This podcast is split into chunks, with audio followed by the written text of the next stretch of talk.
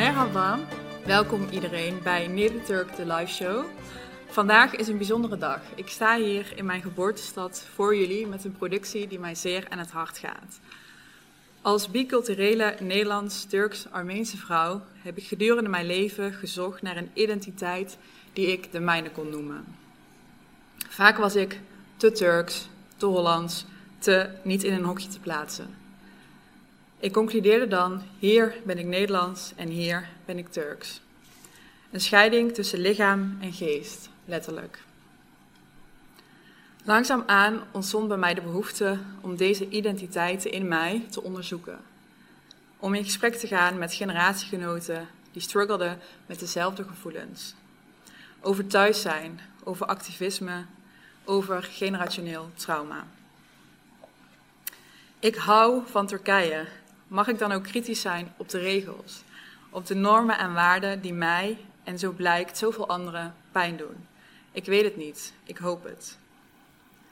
Ik ben het gesprek aangegaan in een driedelige audioserie met awesome, open-minded, creatieve nazaten van die Turkse arbeiders die hier in de jaren 60 en 70 naartoe kwamen. Ik sprak met theatermaker Ferhat Kaplan, fotografe en winnares van de Zilveren Camera Award Chidem Yüksel, met journalist Suzanne Yücel, met oprichter van het collectief Klauw Bergsun Cicek en met DJ en muziekproducent Barish Akardere. We merkten dat we veel gemeen hadden. Een voorliefde voor melancholische muziek bijvoorbeeld. Liefde, maar ook kritiek op Turkije. En op Nederland trouwens ook. Trots, maar ook schaamte, woede, maar ook rust. Er zijn veel taboes die jarenlang de woonkamer niet verlieten. En daar proberen wij langzaamaan verandering in aan te brengen. Dit is Nederturk, de gesprekken die vaak te spannend en te moeilijk waren om te voeren. In deze live show blikken we terug op de serie. Met niemand minder dan schrijver en theatermaker Nazmia Oral. De vrouw die voor het eerst zo'n Turks woonkamergesprek met haar familie deelde voor een groot publiek. Mag ik een hartelijk applaus voor Nazmia Oral, de OG Nederturk. Zo. OG Nederturk. OG Nederturk. De eerste, de enige echte, de eerste versie. En Nazmia is theatermaker en schrijver. Van 2003 tot 2012 schreef ze columns voor de Volkskrant. 2011 kwam haar debuutroman Zera uit, waarvoor zij werd genomineerd voor de Edu Perronprijs. In 2016 won ze het Gouden Kalf voor haar rol in de, serie, of in de film In Vrijheid. En in 2018 maakte ze de documentaire Niet meer zonder jou over en met haar familie. En ze zegt over die documentaire: dat was mijn geboorte als maker. We gaan een stukje kijken.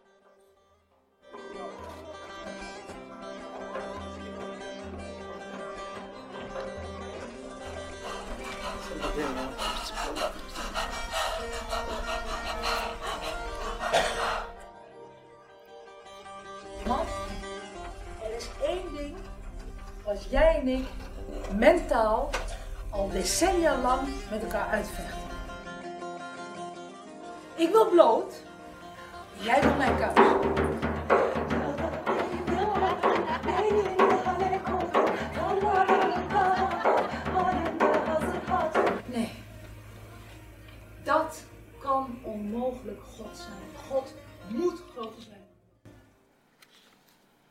Zo, Nasmia, al aan het maken vanaf je 18e volgens mij. En toch noem je die documentaire je geboorte als maker. Kun je dat uitleggen? Ehm, ja. Allereerst eh, wil ik even reageren op wat ik zag.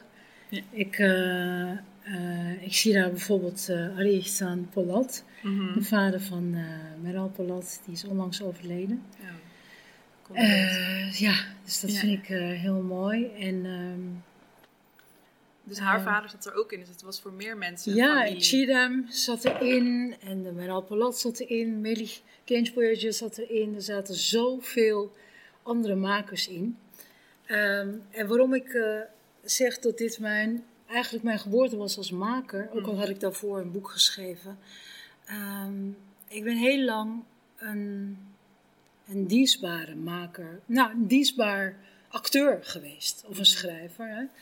Ehm, ik had weinig zelfvertrouwen, zeg maar. En ook zelfs met dit eh, met dit stuk van Niet meer zonder jou. Uh, ik bracht het in bij, bij Zina, ons theatercollectief, uh, tijdens een artistieke bijeenkomst. En, want ik had met Chida een gesprek gehad. En um, op een gegeven moment, door haar, kwam ik erachter van... Jezus, dit heb ik zelf meegemaakt. Dit is nog steeds mm. aan de gang. Dus ik werd heel boos, maar eigenlijk dus heel verdrietig. En ik dacht, klaar, het moet klaar zijn. We moeten hier iets mee doen. En uh, heel vaag vormde er dus zich een, een idee in mij. Zo van, ja, we moeten het gesprek aangaan met de oudere generatie mm en de jonge generatie. Die twee zitten echt in een spagaat naar elkaar toe. Maar er is zoveel liefde en het komt maar niet bij elkaar. En ik heb dat ook met mijn moeder. Dus ik wist, er moet een gesprek komen ja, ik moet dat dan doen met mijn moeder, uh, want wie anders? Ja, zoals je het uh, zegt, dan moet je het ook ja, zelf... Ja, precies. je moet het dan maar zelf doen. Ja. Maar ik bracht het in tijdens een artistieke vergadering. En, uh, en je moet weten, ja, elke vier jaar hebben wij dan hè, ingediend van... we gaan tien voorstellingen maken, die gaan daar. Dat staat allemaal vast. Ja. Dus ik dacht, ja, nou ja, ja. Hè, mm -hmm. Dus als mijn groep en Adelheid Rozen, onze artistiek leider... als zij, had, als zij hadden gezegd, ja, leuk, maar we hebben geen tijd, want we gaan andere dingen doen. Of weet ik veel, dan had ik het net zo goed van tafel geveegd. Ja, want je zegt dat je dus, dus... doordat zij het hebben, doordat aanleid toen dacht, wauw. En doordat zij zei, dat moeten we gaan doen. Dan nog had ik bijvoorbeeld heel lang geen vertrouwen erin. Omdat ik dacht, ja, maar is het echt goed? En ze, Adelheid is eigenlijk de draagmoeder geweest. Tot zij op een gegeven moment zei, hier, Gaat dat kind leven of niet? Baar het, weet je wel? Ja. ja. Maar want je zegt ook dat je een dienstbare maker was. Dus dacht jij dan dat er misschien geen genoeg platform voor was? Of dat mensen er niet zo op zaten te wachten? Of waar kwam die gedachte vandaan van dit is... In, want ik bijvoorbeeld zat, zat heel erg op te wachten in die tijd. Um, en voor mij ben je echt een, voorbeeld. Um, maar wist jij dat, dat er dan zoveel mensen waren die daar iets aan zouden hebben? Aan zo'n stuk over en met familie? Uh, nee. Ja, aan de ene kant, je, je maakt het omdat je denkt: oh wacht, ik heb een vriendin die is al. Die heeft al tien jaar een Nederlands vriendje, maar, maar, en ze is veertig, maar ze gedraagt zich alsof ze een kerstban is. Hè, een dorpsmeisje uit, weet ik veel, Koerdistan of weet ik veel, uh, uh, weet je, ergens waar je absoluut niet vrij bent. En ze leeft gewoon in Arnhem. Um, maar ze leeft dus een soort van ik twee kende, levens. Precies, ik kende zoveel mensen die dubbellevens leiden. Ja. En, maar wat voor effect dat heeft, of wat voor het, dat het, dat, dat, nee, dat voorzag ik niet. En betekende dat voor jou ook dat je toen helemaal jezelf in je makerschap kon zijn? Dat je daarom het als ook geboorte noemt? Want dat stukje van jezelf, dus jouw familie, had je vooraf dus niet echt heel erg in je werk zo prominent betrokken. En nu wel? Um, jawel, ik had vaker, ik werkte al auto, autobiografisch. Ja. En uh, dus ik had veel met mijn moeder gewerkt, met mijn zus. En dat had ik verworven in, uh, uh, verwoven in stukken die ik maakte voor Zina. Maar het was altijd een klein onderdeel en een groot onderdeel. En dit was voor het eerst dat ik met een hele groep andere makers, waarvan ik hoopte van dat we het samen konden maken. Dat ging ook niet. Nu achteraf denk ik, kon ook niet, want het was, het was aan de hand van mijn verhaal met mijn moeder. Ja. En um, het was het eerste buiten een roman of uh, een stuk om, uh, wat ik zelf helemaal moest gaan bewonen, gaan maken. Dat is wat ik bedoel met uh, van, van interviews erover, van hoe je met mensen omgaat, van hoe je uh, verhalen oogst van de mensen die meedoen. Ja. Dat hele ding. Dat was voor het eerst dat ik dacht, oh Jij ja. was expert op, op alle thematiek in alle gebieden van, van dat product, zeg maar. En niemand anders zou dat in jouw plaats kunnen hebben gedaan ook. Ja, ik moest het doen. Dat betekent nog niet dat ik het kon, maar ik moest het nou, doen. Nou, volgens mij ja. uh, kon je het. Want uh, ja, het is een hele mooie documentaire, wel geprezen documentaire. Maar ja, nou, wat ik bedoel ook met uh, geboorte. Kijk, ik wil niet, um, hoe zeg je dat? Ik doe, ik, ik uh, doe mezelf nu niet bescheidener voor dan ik ben om weet ik veel. Hè? Mm -hmm. Maar ik wil vooral realistisch zijn, omdat omdat het gevaar soms is als je mensen ziet waar je, waarvan je denkt: wauw, wat een kracht, wat een rust, dat wil ik ook. Dan, uh, ik heb dat ook. Soms denk je: oh, die mensen kunnen dat gewoon. Hoe? Nou, daarom vertel ik: ik scheet in mijn broek. Ik heb heel veel fouten gemaakt. Ik had het geluk dat ik een Adelheid Rozen had, die mij als een zielsverwant, als familie, als zus naast me stond, maar ook als mijn regisseur naast me stond en tijd aan gewoon een schop onder mijn reet gaf. Van, uh, ja, dit moet jij doen. En dat ik in paniek dacht, oh my god, oké, okay, dat moet ik doen. Maar met vallen en opstaan en met goede mensen om me heen, um, ben ik daarin gegroeid. En heb ik ook mogen en kunnen ervaren uiteindelijk, oh, dat wat ik bereid ben zomaar weg te gooien van ja, maar dat kennen we toch wel, of ik zeg niets bijzonders, mm -hmm. ja. is wel bijzonder. Het is belangrijk dat je het uitspreekt. Het is belangrijk dat je het nog een keer benoemt. Gesprekken die we met onszelf of met, met onze ziel, met ons hart, maar ook met onze geliefden aangaan, met het leven. Dat is niet eenmalig, dat moet je over en over en weer voeren. Dus daarin ben ik gegroeid. Ik ben eigenlijk wakker geworden voor mijn eigen kracht. Ja, ja kracht. Super mooi. Ja. Super mooi. En, en wat betekent dochter zijn voor jou? hele grote vraag. Nou ja, dat vind ik nogal een. Je eh, ja, jij vraagt aan je moeder in het documentaire wat betekent moeder zijn voor jou. En je spaart haar ook niet. Ja. Wat betekent dochter zijn voor jou? Ik zal je wel sparen hoor. Nee, nee, dat, dat hoeft niet. Want toevallig, uh, um, ik, heb een, uh, ik heb een coach, Moazes Chitin uit Ankara. Mm -hmm. En um, ik heb wekelijkse sessies met haar. Zij is geweldig. En nu zijn we weer bezig met het stuk moeder. Dus het is mm. nog lang niet klaar. Het moederschap. Dus ik als moeder, maar ook ik als dochter naar mijn moeder. En daarbij uh, precies die vraag van wat houdt het in om dochter te zijn. Um, ik kwam er deze week achter dat ik, um, dat ik kennelijk een beeld heb van een Turks meisje, wat ik niet ben. Mm. Want ik ben geen Turks-Turks vrouw. Um, ik heb een beeld in mijn hoofd. Uh, een dochter hoort elk weekend bij haar moeder te zijn, van haar moeder te houden, haar moeder te dragen. Haar moeder. Um, ik moet een goed meisje zijn. Dat is toch nog steeds wat ik in mijn hoofd had als.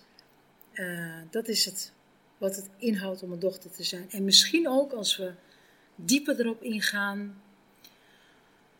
Uh, in de um, familieopstellingen, mm de systeem, systemisch werk. Kunnen we even uitleggen wat dat is voor mensen? Ja, dat is, eh, familieopstellingen is, um, ja, systemisch werk heet dat. Dat is een ordening.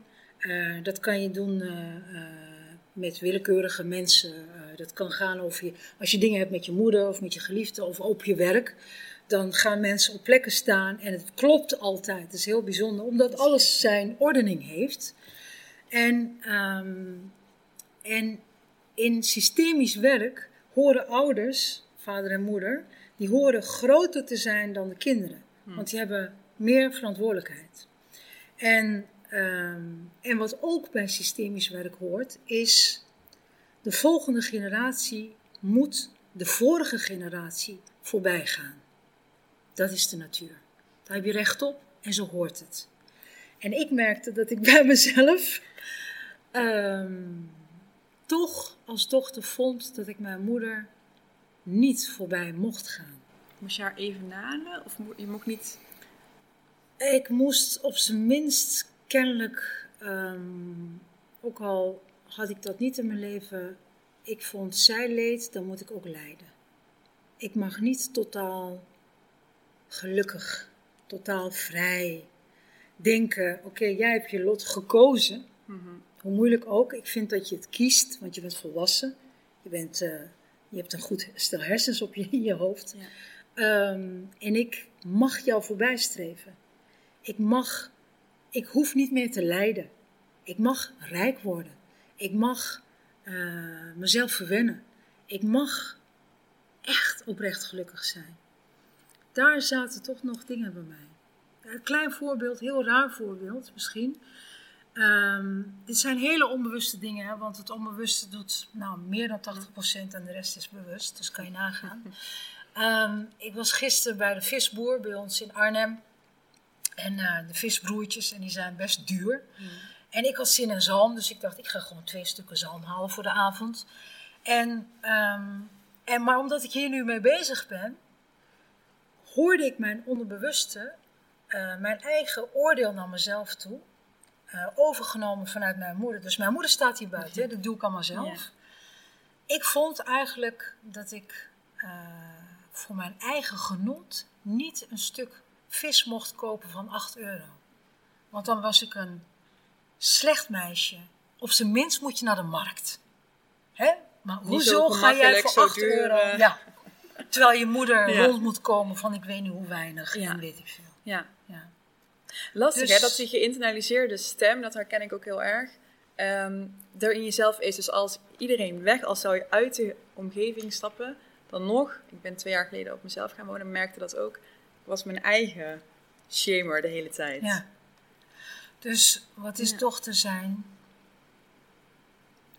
De grootste, uh, het grootste pad, denk ik, van een dochter is uh, het vrijmaken van jezelf en van je moeder. Hmm. In liefde. Mooi. In ja. liefde, ja, want dat doe jij, ja. Nou, dat probeer ik. Nou, dat, komt, dat komt zo over in ieder geval. Ja. En, en, is familie een werkwoord voor jou? Uh, ja.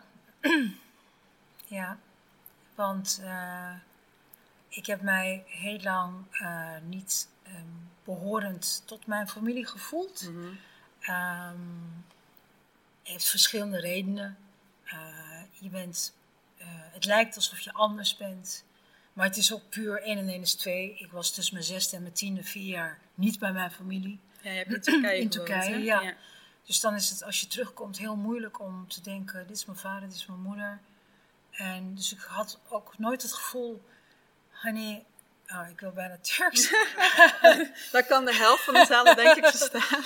Soms heb je dat. Uh, uh, ik kon echt als kind naar andere kinderen met, met open mond kijken hoe ze uh, wat is schmarmak in het Nederlands? Vervelend stout. Nee, nee, zo, zo dat, je, dat, je, dat je durft jezelf dingen te permitteren. Dat je, de, dat je kan zeuren bij je moeder van, mam, maar ik wil dit. Dat durfde ik nooit, weet je. Mm. Want ik voelde een soort, nou, weet niet, misschien had ik als kind dat ik dacht, ik moet echt voorbeeldig zijn, want anders kan ik zo weer weggestuurd worden.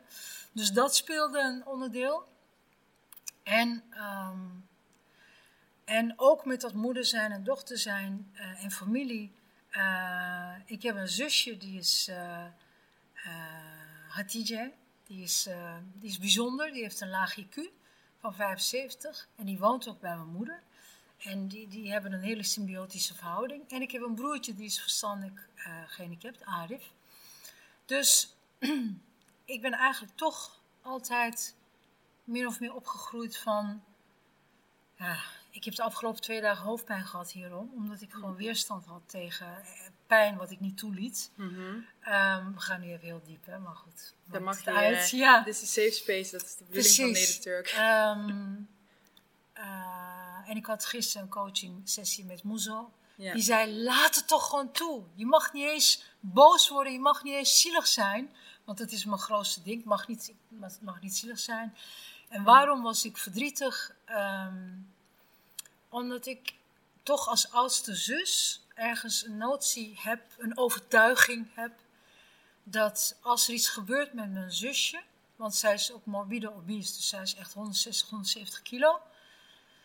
Um, als haar iets overkomt, of als mijn broertje iets overkomt, um, en als dat niet goed gaat, dan.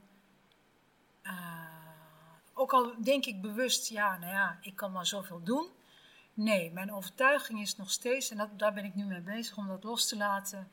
Um, ik had ze moeten redden. Het is mijn schuld, want ik ben de oudste en vooral ik ben de slimste. Hmm. Ik had ze moeten redden. Dat is mijn taak. En, um, Hele grote verantwoordelijkheid. Ja, en ook daarvoor vergeef ik mezelf. Het is logisch. Mm -hmm. Maar ik mag, ik mag me daarvan losmaken. Ja. Zeker, ja. Hoe moeilijk ook. vind Ja. het pijnlijk, maar ja. Ja, dankjewel om dat te delen. Dat is heel Ja. eh, mooi. Ja, mooi. Ehm, ik wil graag eh, twee gasten uitnodigen uit de eerste aflevering Vormers. Eh Chidem Yüksel en Suzan Yücel. Chidem!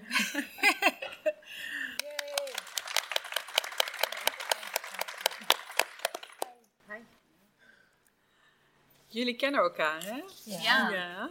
Kunnen jullie eh, iets vertellen over jullie band en hoe deze ontstaan is? En, eh, Ja, dat is meer? ontstaan omdat ik ook bij Adelheid Rozen terecht kwam. Als fotograaf. Ik eh, heb mijn eerste betaalde fotoklus van Adelheid Rozen gekregen. En eh, ik begon te fotograferen. Eh, ja, ik begon de voorstellingen te fotograferen. eh, persfoto's. En op een gegeven moment in 2015 werd de tour De Gesluide Monologen hervat. En toen ben ik meegegaan op tour met, eh, met de vier eh, vrouwen. Met de vier acteurs. eh Nazmiye, Meral Polat, Seval Okyay en Oya Karusman. En het waren vier waanzinnige vrouwen met een Turkse achtergrond. Waar ik als eh broekie bij kwam. En eh, verzeild raakte in gesprekken over ja, alles. Over, Ik, eh, ja. ik kwam eh Chidem eh, tegen, jij was nog heel jong hè, ja, begin twintig. begin twintig. En zij interviewde mij, want zij was toen gewoon journalist. Nog geen fotograaf. Ah, en fotograaf, maar journalist. En ik was zo onder de indruk van haar. Ik dacht, ik weet niet wie dit is, maar deze gaan we niet kwijtraken. Deze moet bij ons. Ja, ja. En gelukkig is dat ook gelukt, ja.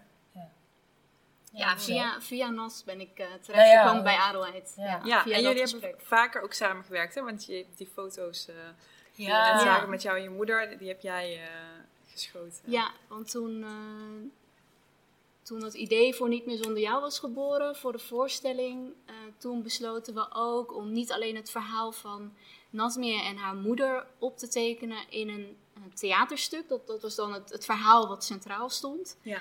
Eh, maar om daaromheen ook nog andere mensen uit de islamitische gemeenschap eh, dat gesprek te laten voeren. Ja. Dus ik heb, eh, dat hebben wij samen gedaan natuurlijk, ehm, moeders en dochters, vaders en zonen, Tantes tantes en zussen. Heel ja. intiem, hè? Ook bij, bij iedereen in de Ja. woonkamer eigenlijk, letterlijk. Dat, Nou ja, we nodigden ze eigenlijk uit om samen op, op de dag van de shoot, op de Ja. dag dat ik ze zou fotograferen, om daarvoor met elkaar te gaan zitten en Mm. om het te hebben over de onderwerpen waar ze niet meer over durfden te spreken. Er was wel een wond. Het ging over niet meer geloven, over zelfbeschikking, over eh, homoseksualiteit, ehm, over het huis uitgaan terwijl je ouders dat niet willen. Dat zijn allemaal conflicten die je hebt met je ouders. En dat gebeurt, maar vaak ehm, komt het weer goed, maar de wond zit er nog. ja. En op de dag van de shoot hebben we het daarover gehad.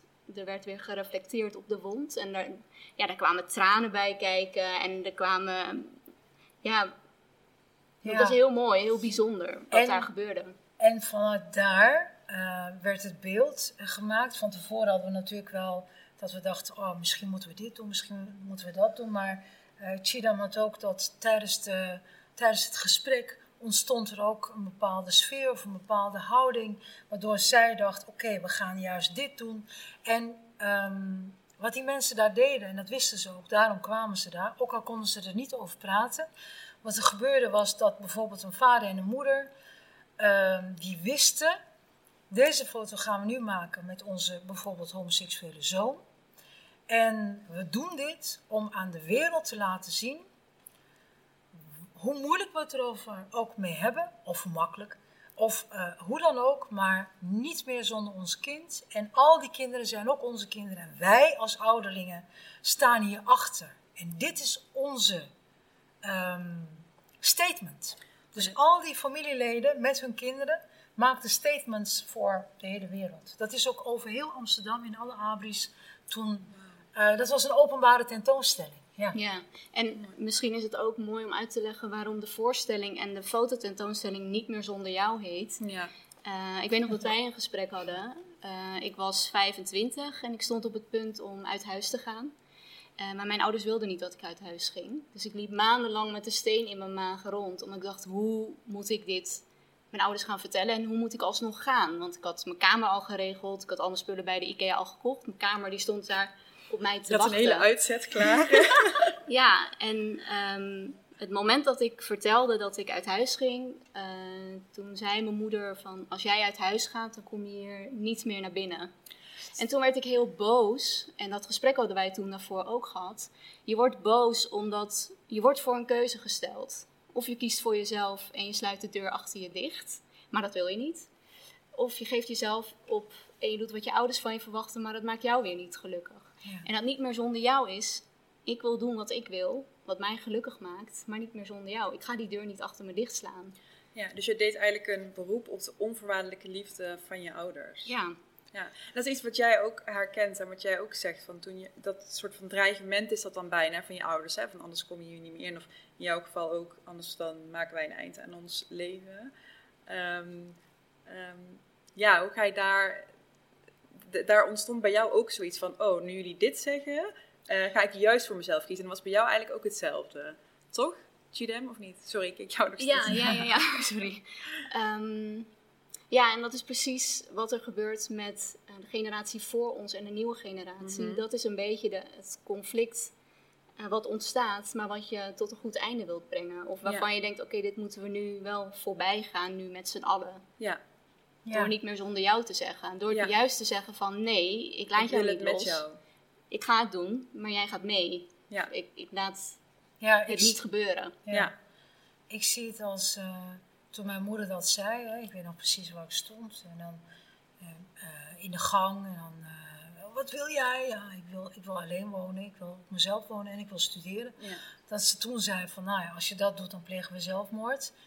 Toen, ehm, dat bracht mij bij mijn positieve eigenlijk. Mhm. Want tot die tijd zat ik, ik deed wel heel stoer, maar ik zat echt zo, ah, ah, Ja. ik, mijn moeder, ik, mijn moeder. En toen ze dat zei, toen eh, werd ik wakker. En toen dacht ik, wacht even, ik ben jouw kind. Ik ben helemaal niks raars. En dat is eigenlijk, voor zover je niet eh, eh, in levensgevaar bent, is dat eigenlijk wat je je ouders voor moet houden. Snap out of it, ik ben je kind. Ik, dit is mijn geboorterecht. Jij moet mij beschermen. Jij moet. Ik wil niets raars. Ik wil gewoon mijn leven leiden. Ik wil gewoon eh, studeren. Of ik wil gewoon op mezelf gaan wonen en werken. Ja.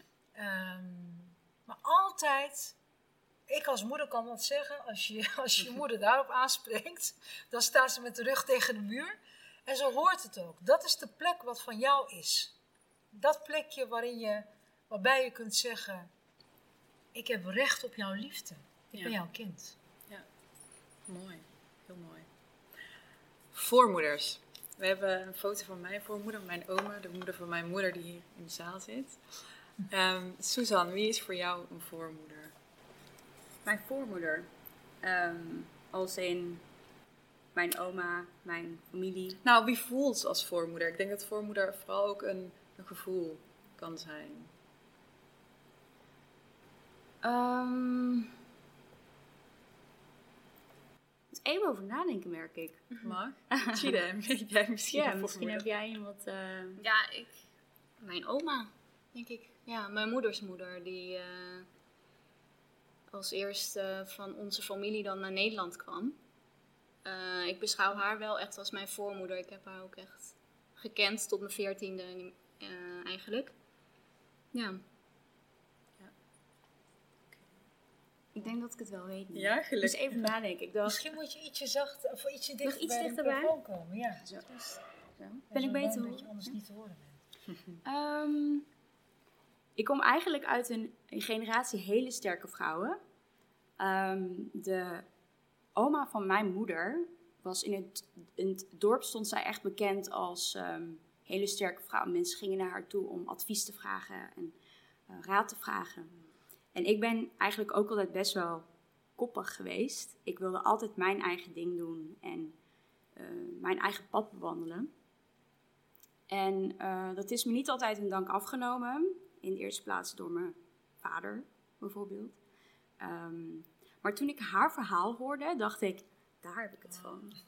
Ik ben gewoon... Ik ben haar. Ja, ik ben haar. Een reïncarnatie Ja, van haar. precies. Dat voelde Staat wel een paar zo. generaties over, maar dan heb je het. eh, heb Dan, je ben, dan, Ja. eh, dan komt het wel weer terug bij me. En denk ik, Ja. zie je, ik, die feistiness die zij had, Ja.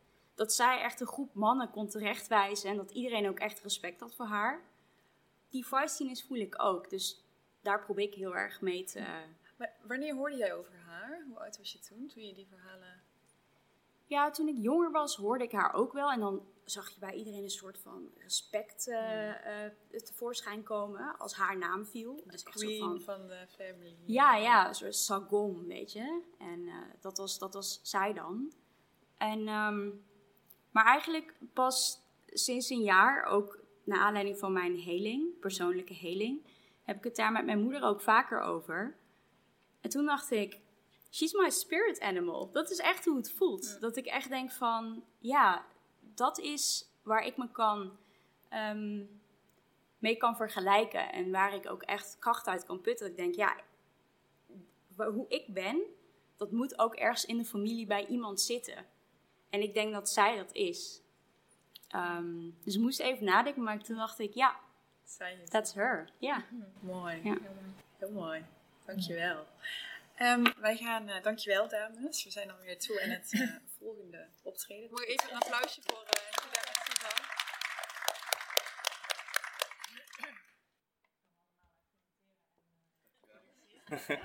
Theatermaker Ferhat Kaplan met een eh, monoloog over eh, met een monoloog over giftelijke mannelijkheid. Ik behandelde mijzelf altijd als een kaars die niet aangestoken moest worden. Omdat het zo mooi op de tafel stond. Van de mensen in mijn omgeving leerde ik wijze lessen. En een van deze wijze lessen was: een echte man huilt niet. Nooit. Want als je te veel huilt, dan zal de gemene wereld misbruik van je maken. Dat, dat leerde ik dan. En als ik het dan toch deed, dan werd ik boos op mezelf. Ik was bang dat ik zou smelten. De man in mijn omgeving, die huilde niet. Nooit niet. Ja, want zij hadden een schild dat ze beschermde tegen de tranen van binnenin. En een heel klein stukje van dat schild, dat gaven ze aan mij. En iedere keer als het me lukte om niet te huilen, dan voelde ik dat het sterker werd. De jongens in mijn klas, die groeiden ook een schild. Net als de mannen die we zagen op tv en in films. En samen deden we ze na en speelden riddertje. En soms, heel soms, als ik alleen was, dan legde ik mijn schild af. Zo, op de grond. En dan ging ik op zoek naar het verdriet van binnenin en dan vocht ik de tranen naar buiten. Ja, alsof ik een app downloadde die me in contact bracht met mijn gevoelens. En als het dan weer oké met me ging, dan verwijderde ik de app weer. Dan pakte ik mijn schild weer op en dan mocht ik buiten spelen.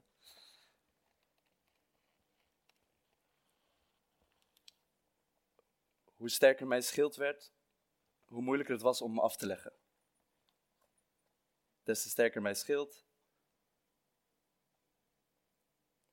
des te zwakker ik zelf. Ik ontmoette een vrouw, zij had geen schild, nee. zij versierde haar wangen met parels van verdriet en ik vond het prachtig. Ik, ik, ik wilde dat ook. Ik wilde geen schild meer zijn, ik wilde een schilderij zijn. Dat wilde ik. Maar toen ik mijn schild afdeed, herkende zij mij niet meer. Ik was een vreemde voor haar. Een softie, een watje. Niet de sterke man waarmee zij naar huis was gegaan. Het schild werd onderdeel van mij. Ik was het schild en het schild was Ferhat.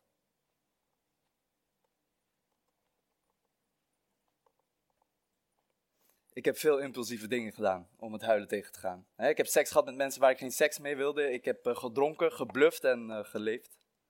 Ik heb spullen kapot gemaakt, maar ook vriendschappen. Weet je, dat schild, dat schild dat maakt een gemene man van mij. En stomme is dat ik naderhand altijd spijt had. En als ik het verdriet dan wilde weggummen, dan lukte dat niet. Nee, het werd alleen maar groter. Tot het groter werd dan ikzelf. Tot mijn schild brak en ik naakt stond. Maar maak geen zorgen, ik bouwde een nieuw schild, lust. Ik bouwde een nieuw schild, ego. Ik bouwde een nieuw schild, alcohol. Ik was continu op, op zoek naar dingen van buitenaf die me beschermden tegen het gevoel van binnenin. Ik bouwde muren, slotgrachten, ophaalbruggen. Ik schuilde van de wereld in mijn afbrokkelende fort. Alleen. In mijn torenkamer. En daar in die torenkamer, daar nam ik de ruimte tot me. Zonder andere mensen om me heen of ruis van ego's was ik in staat om een traan te laten. Om een herinnering. Een emotioneel moment in een film. Of mensen die afscheid namen. Of hallo zeiden. En ik leerde dat een man pas echt sterk is als hij durft te huilen. En ik oefen mezelf. Ik leer, ik leer beter naar mezelf luisteren. En wanneer ik de behoefte voel, dan huil ik. Alleen, of in gezelschap, bij vrienden, bij familie, op de fiets, of in de tram, of in de bus, noem het maar op. Weet je, dit, dit is een ode aan de huilende man. Laat iedere traan die over jouw wang rolt een middelvinger zijn naar degene die jou heeft verteld ze binnen te houden.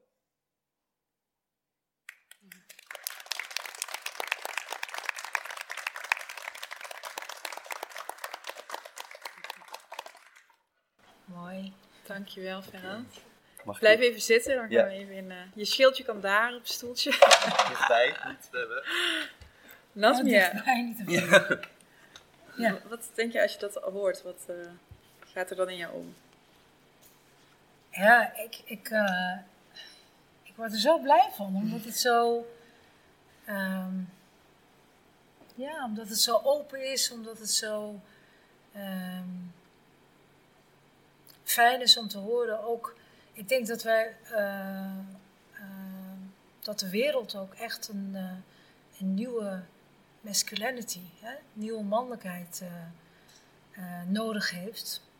Daarmee bedoel ik niet dat de oude mannen of whatever, dat dat niet goed is. Maar eh, het mag wel in balans. En, en dit geeft mij eh, hoop. Hiervan denk ik heerlijk. Ja, Ja. dat vind ik fijn. Fijn, dankjewel. Mooi, Mooi dank je. compliment. Ja. Ja, Ferhat, want de verheerlijking ook van toxic masculinity in, in film en theater, vooral ook in Turkse films, als je er kijkt. Hoe kijk je daar tegenaan als theatermaker? Ja, ik vind het moeilijk, want het ja, we hadden het er ook over gehad in de podcast. En als kind zijnde ke- heb ik best wel veel Turkse series gekeken. En daarin zie je bepaalde, die kijk je dan mee met je moeder en je vader. En daarin zie je bepaalde dingen gebeuren die dan als heel normaal worden geacht. Maar als ik daar dan nu aan terugdenk en aan de moment van, oh, weet je, deze dingen bekeek ik toen ik mijzelf aan het vormen was. En eh, deze dingen hadden invloed op mij. En, eh, oh, zo moet ik me gedragen. Oh, als iemand vreemd gaat, dan moet ik heel boos zijn. Weet je wat? Of erger nog. Of erger nog. Of ik moet, eh, ja, weet ik veel, dingen, eh, haar vermoorden. Weet je, dat zag je gewoon op tv. Dat, vind, dat, ja, dat is moeilijk om te zien, maar ik denk dat het ook een bepaalde tijd is. En ehm, de bepaalde drama die wij Turken af en toe nodig hebben, denk ik. Nou, dat klopt zeker. Daar heeft iedereen ja op gekregen. Ja. Ik dat, maar ik denk, ja, het is pijnlijk eigenlijk. Het is pijnlijk om te zien. Ja, en, en vind jij dat, dat kunst en artiest altijd vrij mag zijn, zeg maar? Of, of moet, het is eigenlijk een vraag aan jullie alle, allebei, moet het ook een soort van maatschappelijke verantwoordelijkheid hebben? Dus een Ja. acteur die een film... Die, ja, Ja. Weet je maar. Ik vind dat een, eh, een artiest, een kunstenaar, of wat dan ook, gewoon een bepaalde verantwoordelijkheid in het leven heeft. En dat is ehm, sociale constructies bespreekbaar maken. En dat kan zijn door middel van een schilderij, dat kan zijn door middel van een theaterstuk, dat kan zijn door middel van een eh, nummer, een liedje.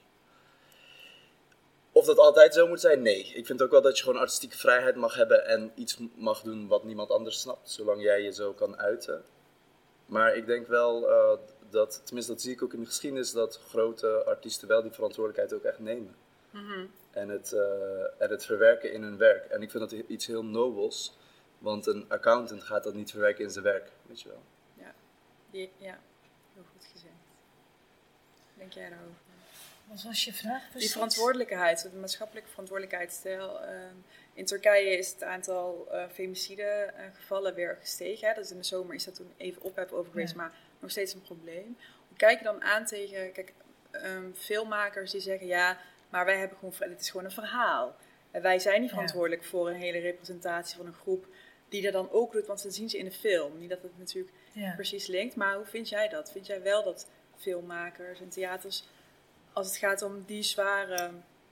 Ja, zeker. Als je het zo stelt, dan. eh, eh, het is net zoals diversiteitsvraagstuk hier in Black Lives Matter en, en eh, al onze MeToo-kwestie. Dus het langzaam wakker worden tot dingen die niet kloppen, waarin we steeds gevoeliger worden.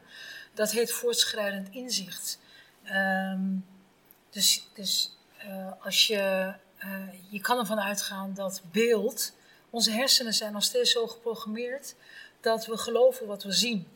Ehm, Dat is waar. Dus daar worden we enorm door beïnvloed. En eh, dus het is on- ik, ik vind wel dat je van mensen die series of films schrijven, mag verwachten, zelfs ze verantwoordelijk mag houden voor ehm, hoe ze dingen voorleven en voorkouwen. En, ehm, en dat zij daarin, vind ik ook echt een grote verantwoordelijkheid hebben over, weet je wel, hoezo eh, wordt de vrouw geslagen in een, in een, eh, in een serie? Of is er geweld? Of, ehm, ja, ik vind. maar als we het hebben over, moet je als kunstenaar daar werk over maken, bijvoorbeeld?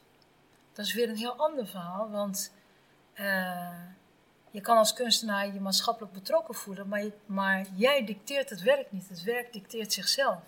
Dus ik kan niet verzinnen, ik ga nu werk maken over huiselijk geweld of vrouwen of hè, eh, eh, femicide, omdat als dat, als het werk ja, bepaalt waar het over gaat. Dus dat, dat is weer iets anders. Voor iets anders. Ja. Nou, dankjewel voor de Begrijpen jullie wat ik bedoel? Tuurlijk. fucking, fucking slim. Een heel goed publiek. Ja man, gewoon woke. Gewoon Woke, hè? slim. Woke, eh, woke Eindhoven. aanwezig. Oké, Ja. mooi. Ferhat, dankjewel voor je... eh, Dank je.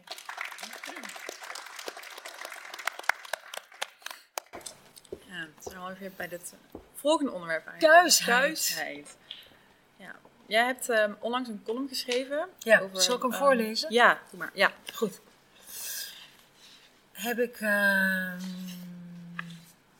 een week geleden geschreven. Ja, want naar aanleiding van, eh, van Slop.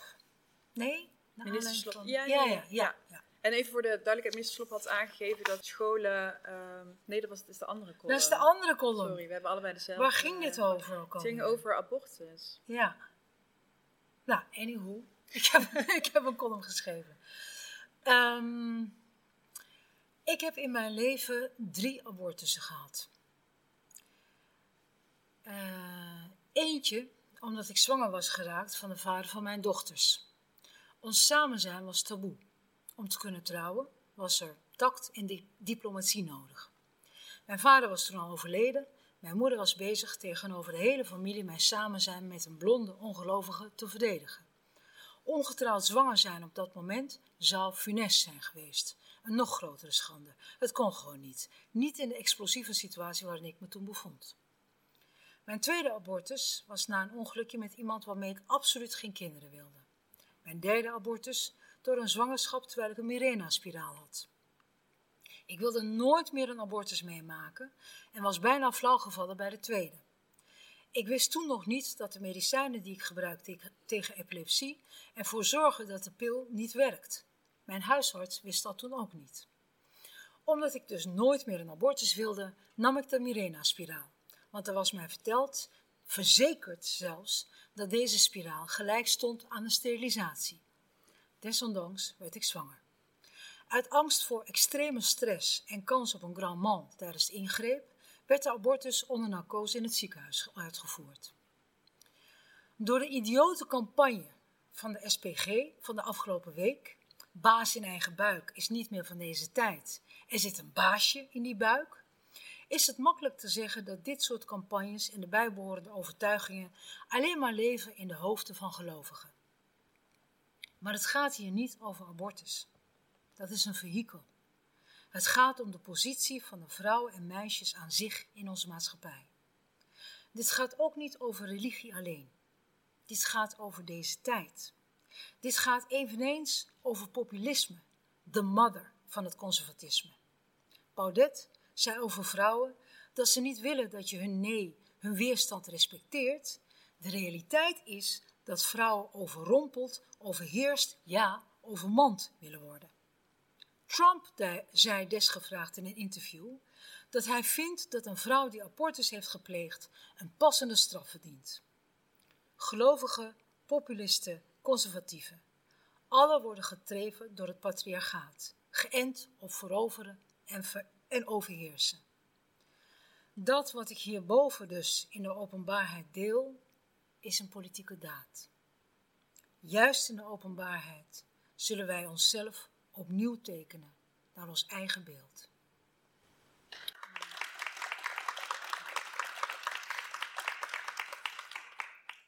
Een politieke daad. Zeker. Heb jij um, nog hoop als je.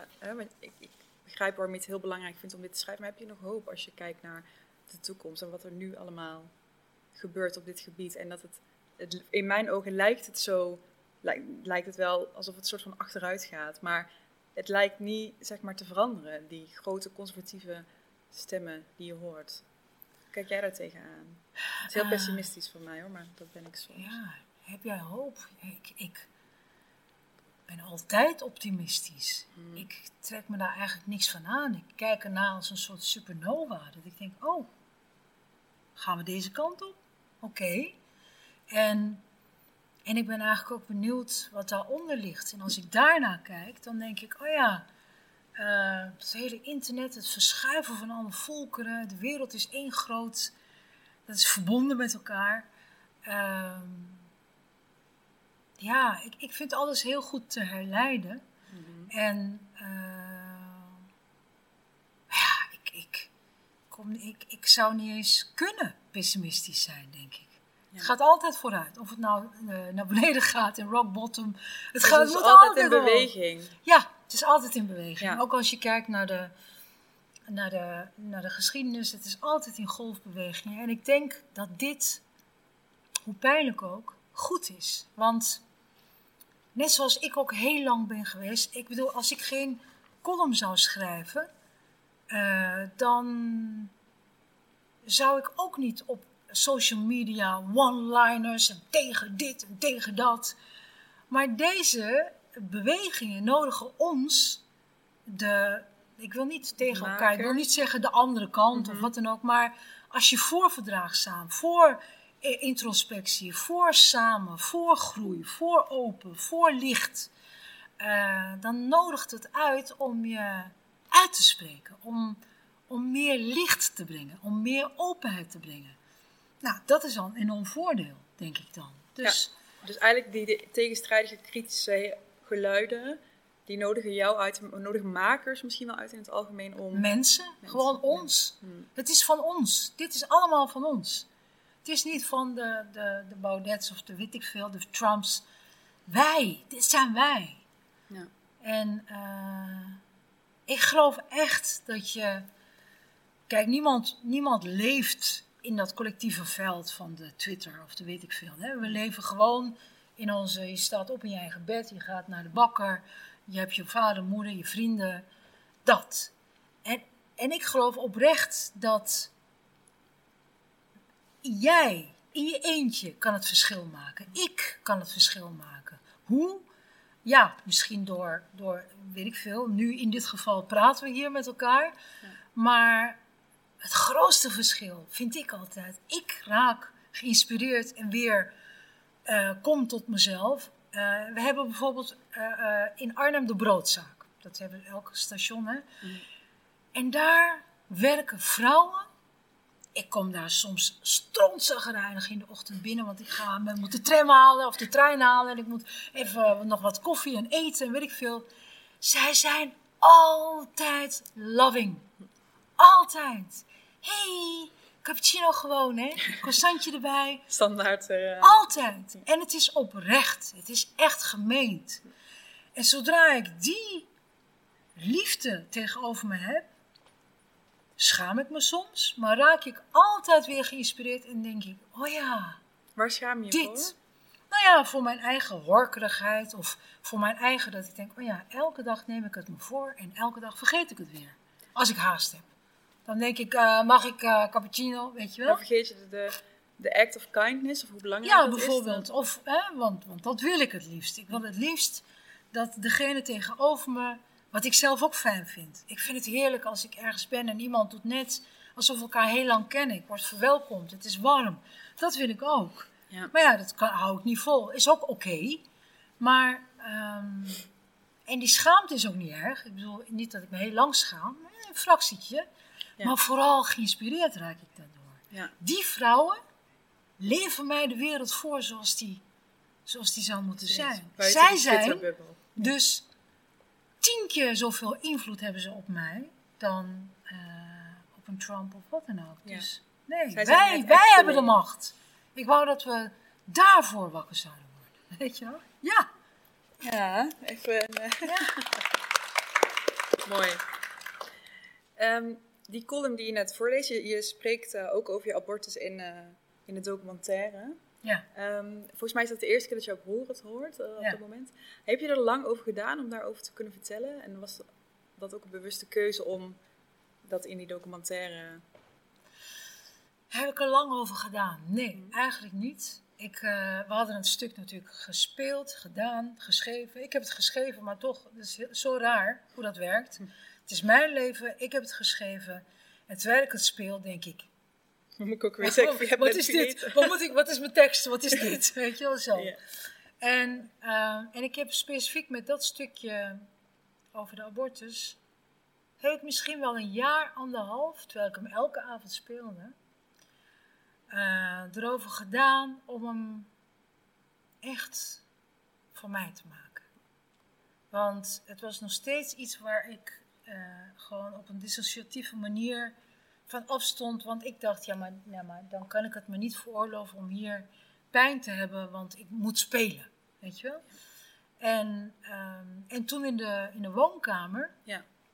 we hadden met de familie, eh, ik had tegen mij, nou ik had sowieso tegen mijn familie gezegd, jullie beslissen. Jullie gaan het zien als het af is. En als jullie ook maar van iets zeggen of denken, dit willen we niet, dan eh, zonder, ehm, zonder vraag of zonder iets gaat dat eruit. Hmm. Dus jullie hebben eh, volledig veto-recht. Dat ten eerste. En ten tweede had ik met mijn moeder besproken, wat gaan we doen? En zij had één stuk dat gaat over, eh, volgens mij over iets met, met maagdelijkheid. Met, nou, dat vond ze te veel, met mijn broertje erbij, dat wilde ze niet. Ze zei, dat moet eruit en de rest mag allemaal. Prima. Dus we hadden ervoor gekozen, iedereen in de kamer hoorde alles voor het eerst. Dat was ook het ding. Ja, en hij raakte daarvan van de leg.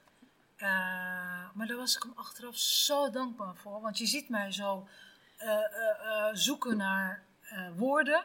Want ik dacht eerst, hij heeft gelijk. En toen zei hij over de abortus. Want hij was vooral bang, omdat het in de openbaarheid was en de buren waren erbij. Hij schaamde zich of hij was bang voor de positie van mijn moeder.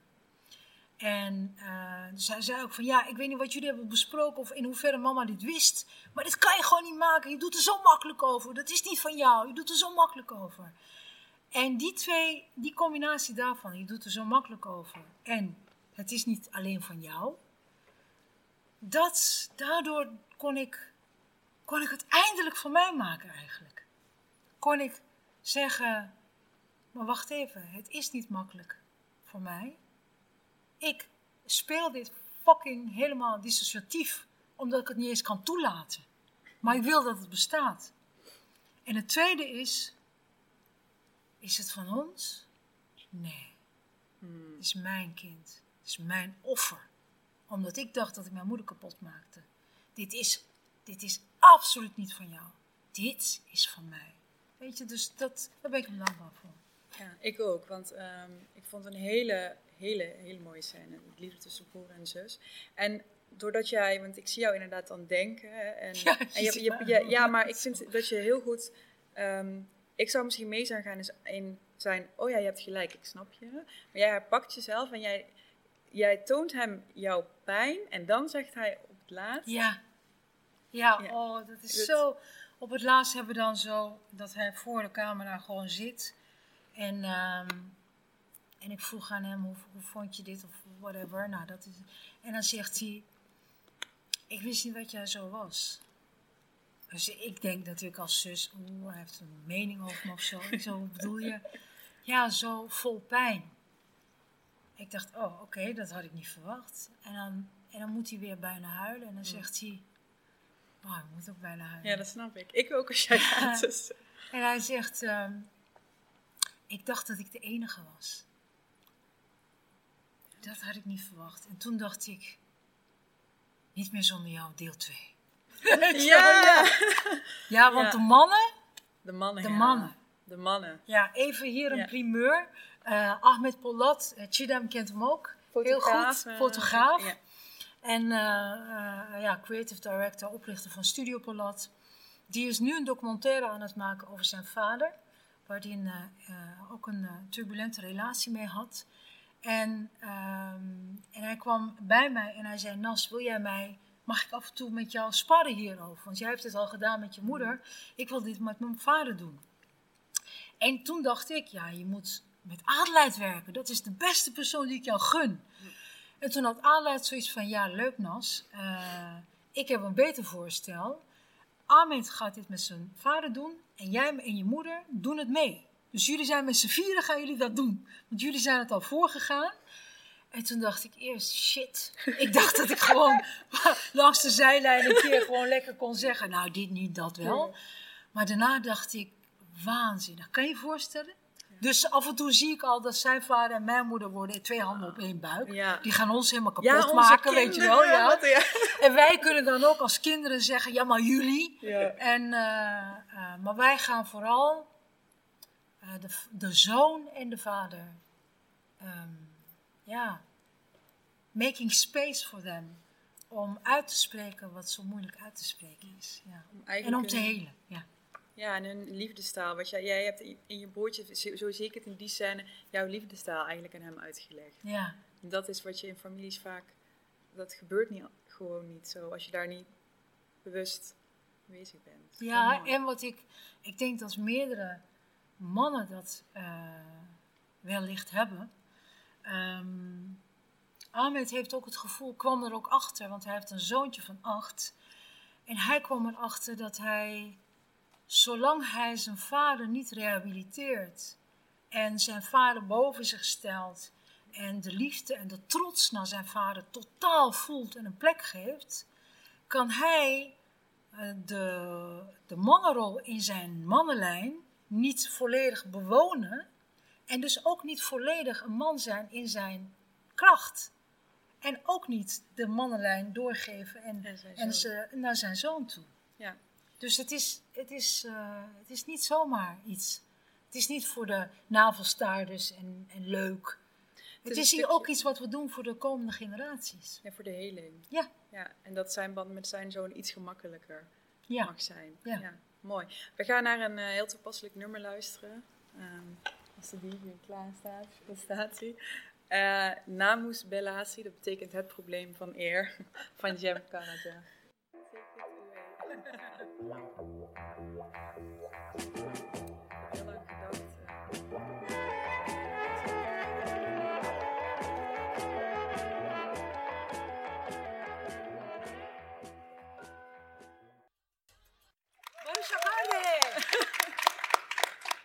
Een uh, akardere. Een Dat betekent iets, hè? shit met teus. Stro- Eh, een, een stromend beekje, ja. Ja, Baruch. Vrede, stromend beekje. Een vredend stromend Ja, beetje. vredig stromend beekje. Mooi, hè? Ja. Ehm, wij eh, roepen de volgende gast naar voren. Berksoen Cicek, oprichter van Klauw.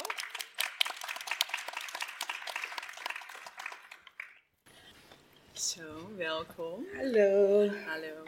Voordat we beginnen met het gesprek, Nadmir, wil ik jou weer vragen om een volgende column voor te lezen. Want die heeft eigenlijk te maken met het thema... Nou, sorry, ik zet je wel een beetje aan Ja, nee, aan het werk. Aan het- Helemaal goed. Als het aankomt op islamitische scholen en benauwde denkwijzen, staan we op onze achterste poten. En nu gelukkig ook. Minister Slop stelt dat scholen ouders mogen vragen een verklaring te ondertekenen waarin ze een homoseksuele leefwijze afkeuren. Ze moeten wel een veilig leefklimaat creëren voor alle leerlingen. Hoe is mij een raadsel, omdat de twee onverenigbaar zijn. Een veilig leefklimaat betekent dat je mag bestaan met alles wat je bent. Het gaat een beetje moeilijk als je geaardheid verwerpelijk is. Voor de voorstelling God is een moeder over religie en homoseksualiteit hebben we mensen geïnterviewd uit een gereformeerd Joods of Islamitisch gezin. Schuld, geïnternaliseerde zelfhaat, moeten kiezen tussen jezelf of de gemeenschap, kortom, de levensverwoestende effecten ervan waren hartverscheurend. Jaren terug kwam mijn klasgenoot uit de kast. Niet bij zijn eigen ouders, maar bij mijn moeder, een Turkse, net als zijn moeder. Wat hij niet tegen zijn moeder kon zeggen, vertelde hij aan haar. Ik wachtte af hoe mijn moeder dit gegeven in zichzelf zou verenigen, want ik wist dat zij streng gelovig is. Ze omarmde hem. Wat er stond, want er stond een kind voor haar neus, in de knoop met zichzelf en zijn geaardheid, dat acceptatie en troost nodig had. Zij stelde liefde boven religie. Jaren later stonden we samen op het toneel in de voorstelling Niet meer zonder jou. We hebben getoerd door theaters, buurthuizen tot in New York. Onze boodschap tijdens een radicaal intiem gesprek, waarbij we niet ontziend alle taboes bespraken, was dat afstanden te overbruggen zijn door liefde. In een tijd waarin we bezig zijn vrijheid en gelijkheid te waarborgen voor een ieder, is het onbestaanbaar dat de minister dit zegt. Religieus gedachtegoed heeft geen plek in het uitvoerend overheidsapparaat. Humanistische waarden staan boven religie. Haat onder het mom van religie is enkel een excuus om niet af te dalen in het hart. Die minister zou als huiswerk mijn moeder in actie kunnen zien, gewoon op uitzending gemist onder dezelfde titel. Tijdens Niet meer zonder jou bleef ze avond aan avond trouw aan zichzelf, trouw aan haar geloof, maar stelde ze ook liefde boven alles. Dat kan, tegelijkertijd. Maar om dat met eigen hart te ervaren, bieden wij ons hierbij met liefde aan om het live voor de Kamer te spelen.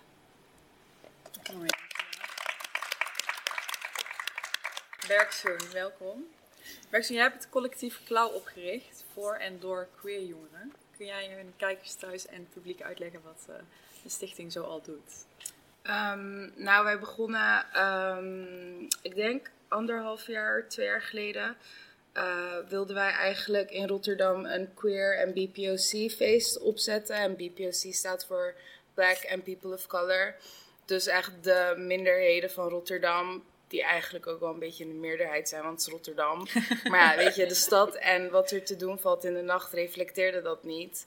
Dus um, ja, toen zijn we eigenlijk, toen hebben we Cloud Collective opgericht. En we hebben clubavonden georganiseerd met um, hele duidelijke regels, guidelines, doorshifts, veiligheid boven alles.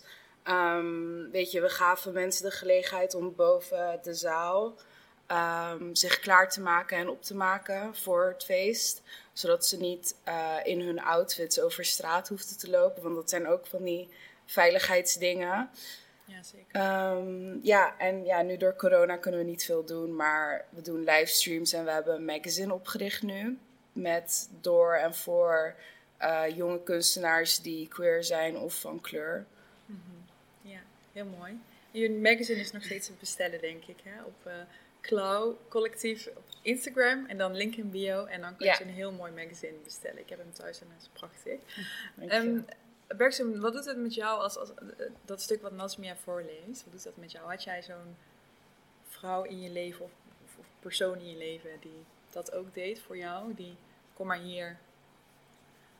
Nee, geen Turkse vrouw. Hmm. Um, ja, mijn ouders hebben het er heel erg moeilijk mee. Dus um, dat was altijd voornamelijk me trying to teach them. Weet je, van het is niet erg, I will survive. Hmm. En uh, Um, dat is eigenlijk nog steeds een beetje een don't ask, don't tell ding thuis gebleven. Maar um, om, om zulke dingen te horen van Nazmie is gewoon, ja, dat voelt voor mij als een soort van bevestiging van, van iemand waar ik naar opkijk. Weet je, van jij mag er ook wezen. En dat, dat, dat blijft gewoon iets wat ik heel erg waardeer en wat gewoon nodig blijft, denk ik. Dus dat is zeker. Um, ja, ik weet niet. Ik heb met mijn ouders samen je docu gekeken mm. laatst.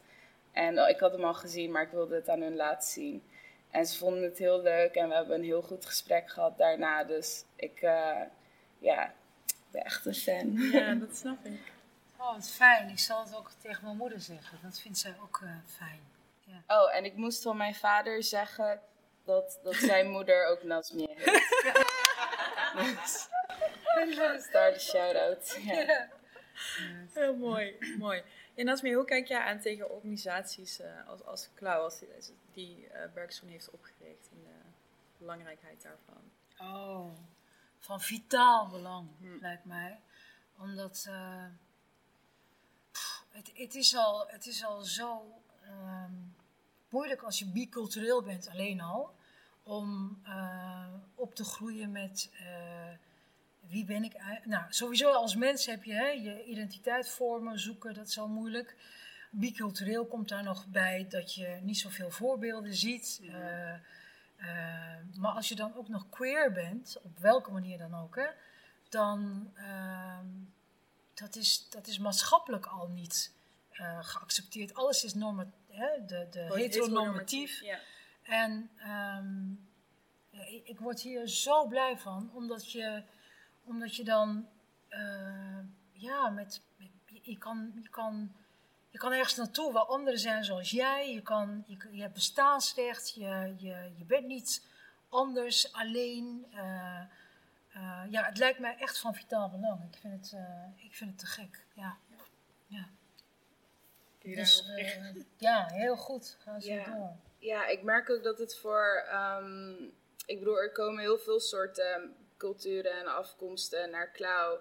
Maar er zijn, er zijn zeker weten ook uh, Turkse bezoekers geweest. En dan om, om alle positieve reacties te horen. Ik bedoel, het is toch wel bijzonder dat je naar een feest kan zijn en je omcirkeld bent met, weet je, een plek waar de minderheid in de meerderheid is, is gewoon bijzonder. En om, om in zo'n uh, nachtclub setting je eigen muziek te horen, Weet je, bedoel je ja, met je eigen muziek Turks muziek? Ja, ik bedoel, ik, ik, I insist. Elke DJ zegt minstens één Turks nummer, anders doen we het niet.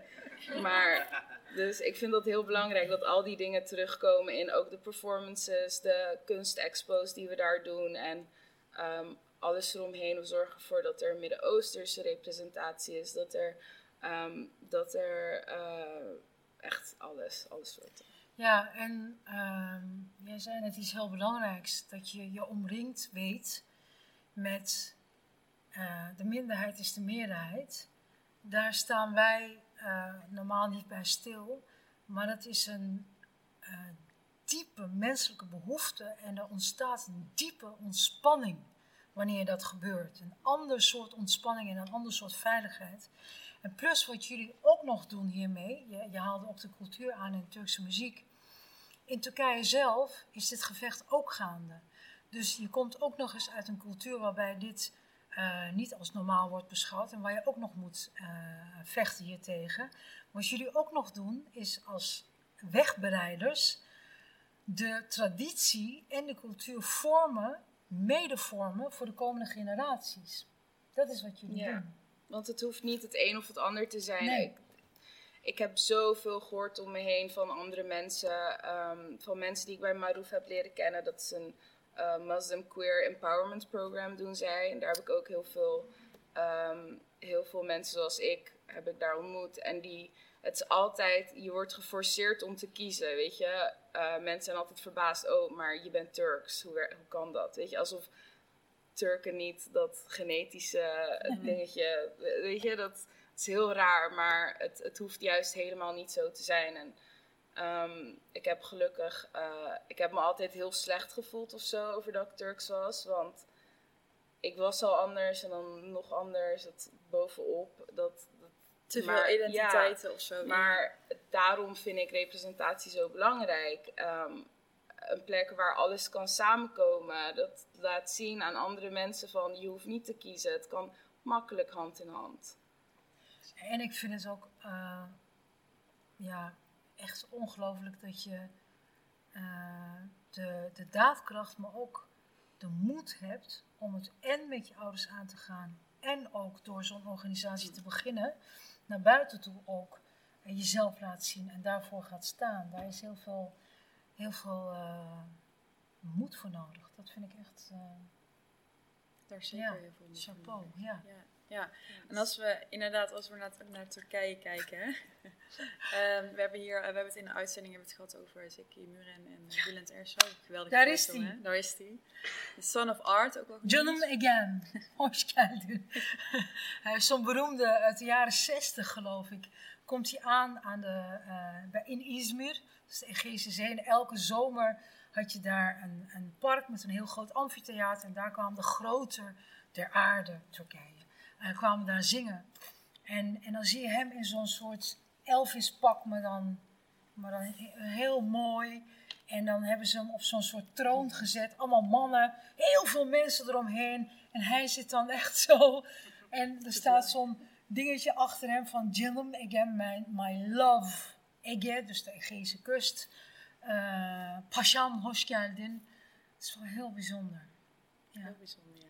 En hoe kijken we dan aan tegen die soort van tweestrijd? Hè? Want hij wordt daar letterlijk op handen gedragen, hè? op dat moment, Zeki Muren. Bülent Ersoy ook wel eens. Maar als je, de buurman Mehmet in transitie gaat of uit de kast komt, dan kan het niet. Hoe, hoe kan dat? Ja, ik heb daar wat theorie over, maar... Heb jij daar theorie over? Um, ja, ik denk dat, dat als je op een gegeven moment zo... Er is zo'n Turkse trots en als iemand zo beroemd wordt... Dan maakt niet uit wat iemand anders zegt. Wij zijn trots, weet je, het is one of our people.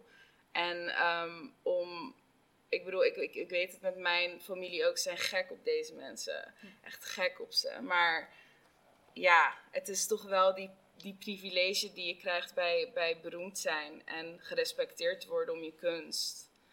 En ik vind het jammer dat, dat de mensen die niet beroemd zijn of weet je, op zo'n level zitten, dat die het, dat die het niet, niet eens 1% zo, zoveel respect of waardering krijgen. Dat, het is voor mij een hele it's a tough pill to swallow. Ja. Hmm. Dus, komt dat overeen met de theorie die jij... Uh, ja, ik denk dat uh, beroemdheid uh, daar heel erg mee te maken heeft. En ik... Um, kijk, deze mensen kwamen natuurlijk op, zelfs uit die, in de jaren 50 al, in films, in de jaren 60... Bülent Ersoy was uh, uh, gewoon, uh, of gewoon, sorry, is niet zo woke, maar was nog een man. En, en, toen werden ze beroemd met hun kunst en hun stem. Um, het, is, het is macht, beroemdheid, geld is macht. En natuurlijk, van artiesten verwachten we ook, die mogen heel excentriek zijn. Als het maar niet je kind is. Ja? ja. Als het maar niet je kind is, dan is het allemaal goed. Maar wat ik door de jaren heen heb uh, gezien en wat ik nog steeds zie bij een ieder die, um, ook al zijn ze niet van deze grote artiesten die bijvoorbeeld, uh, uh, weet je, queer zijn, um, die etaleren enorm hun religieuze kant. die, die praten heel erg over God. Uh, die um, laten zien hoe godsvrezend ze zijn, hoe, hoe, religieus ze zijn. Ze geven heel veel geld aan goede doelen. En dat is voor mij altijd een manier geweest om ook veilig te kunnen zijn. Om te laten zien, oké, ik weet, jullie kunnen misschien elk moment denken, maar wacht even. Maar ik ben een goed mens, want ik ben, ik ben artiest, ik doe een beetje af en toe rare dingen, maar ik ben een goed mens en ik ben vooral een uh, religieus mens. Een echt, echte moslim, een echte onderdaan. Daar verschuilen ze zich ook heel erg in, merk ik. En dat is, dat is niet alleen maar, dat is denk ik, uh, dat gaat echt om leven en dood. En als dat het geval is, dan, dan begrijp ik dat wel. Dat je je toevlucht ook, dat die religie als een soort schild gebruikt. Ja. Veiligheid. Voor je eigen bescherming, letterlijk voor, ja. ter bescherming ja. van de dood. Ja. ja. En is dat nu nog steeds zo met, uh, met de Turkse artiesten Bergson? Um, Zie jij een verschuiving?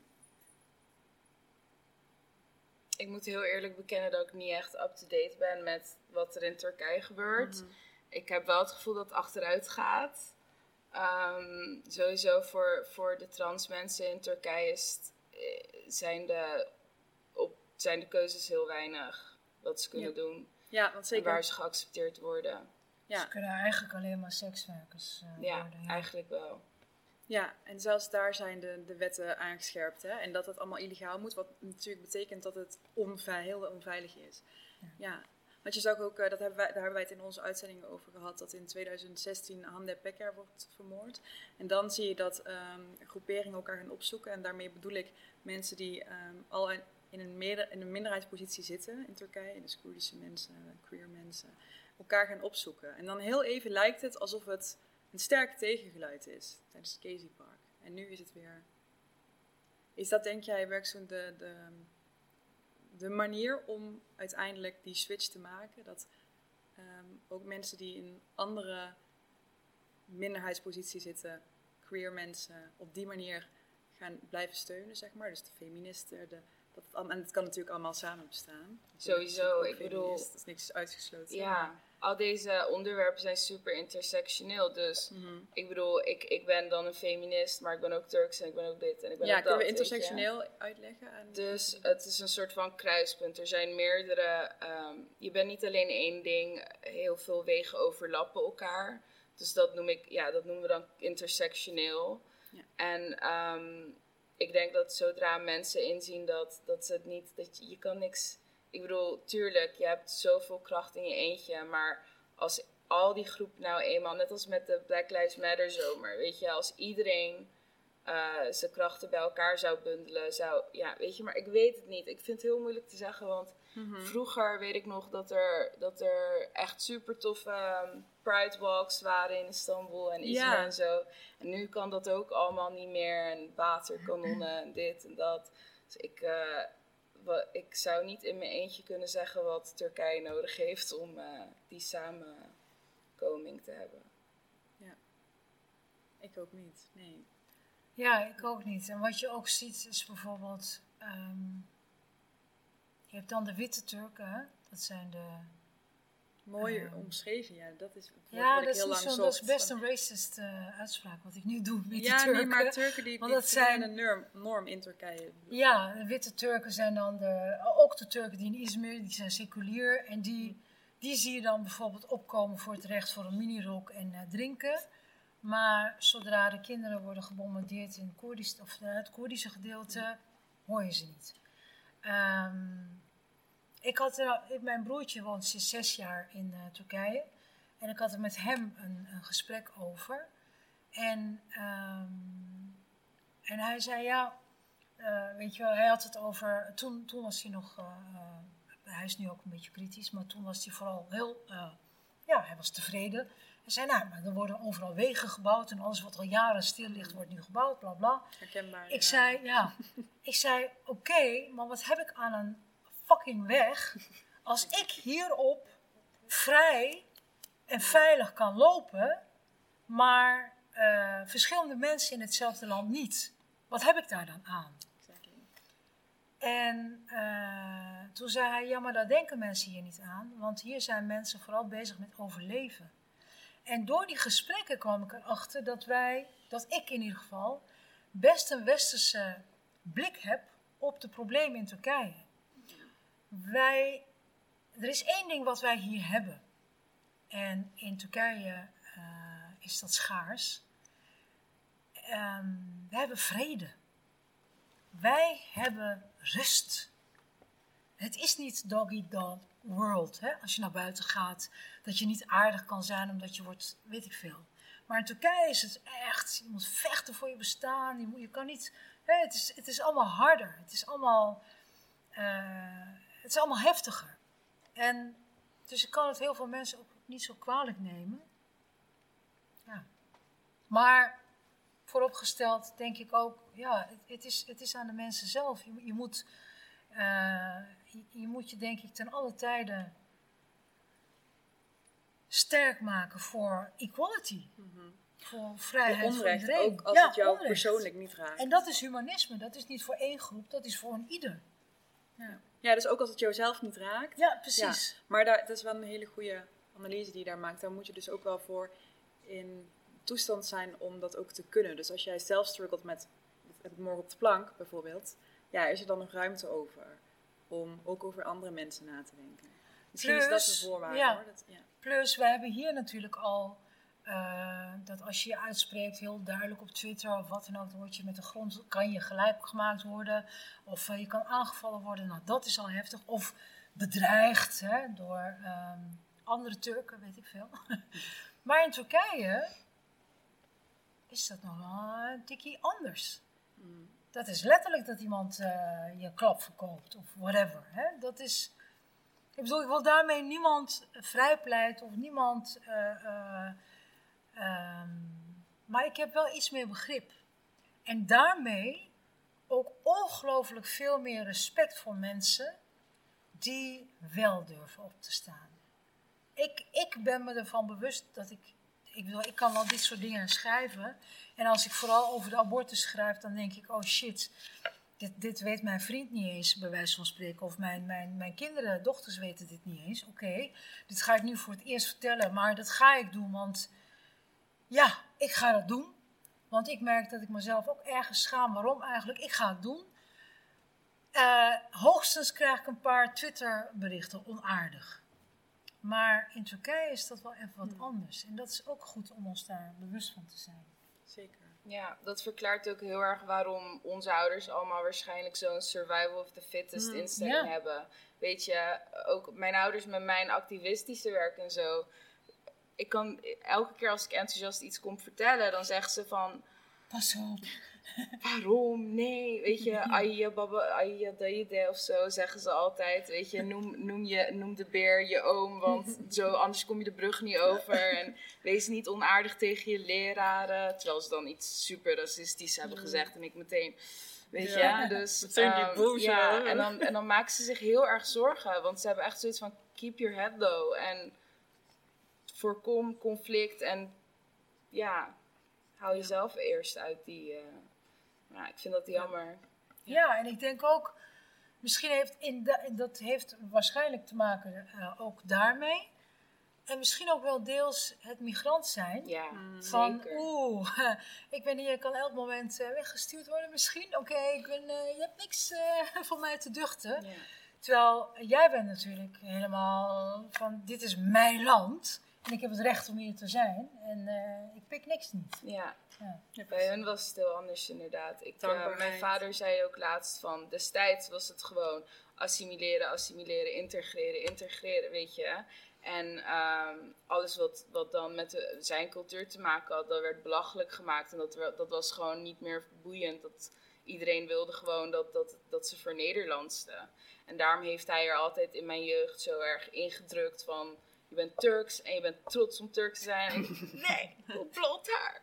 Weet je, dus het was altijd een soort van... Nu begrijp ik veel meer, nu ik ouder ben, waar, waar ze vandaan kwamen en waar die angsten vandaan Ja. kwamen. Dus ik, ik kan ze niks verschuldigen. Ik kan ze niks... eh, Nee. Nee. ja. En dat gezegd hebbende, wij kunnen dan de jongere generatie met elkaar onszelf verenigen zoals we nu doen. Ehm Nasmia, ik weet eh, van jou de uitzending Zomergasten die in september online kwam, ehm, dat jij ehm, best geraakt, ja, het, het raakte jou toen je sprak over de jongere generatie Neder-Turken. Ehm, het zijn niet zo expliciet Neder-Turken, maar dat, daar had je het over. Eh, ik wil graag alle gasten eh, van de reeks hier naar voren brengen en in gesprek met jou laten gaan. En misschien Oh, heb je ja. vragen voor ze. Of, eh, guys, neem je stoel mee. En Als we even heel gewoon een proef allemaal. eh, Gezelligheid. ja. Dit is zo helend. Ja, ja. Jullie begonnen met praten aan het beginnen. Ik was al bijna aan het huilen. Ik dacht, Echt waar? Wauw. ja. Ik heb je zelfs een berichtje gestuurd. Via Instagram. Daar heb je ook heel mooi op geantwoord. Ja, je antwoordt altijd inderdaad op Ja. Instagram. Dat vind ik heel. eh, Ja, dat vind ik belangrijk. Ja, ja dan moet ik huilen, hè? Ah. Nou ja, ik had. eh, ehm,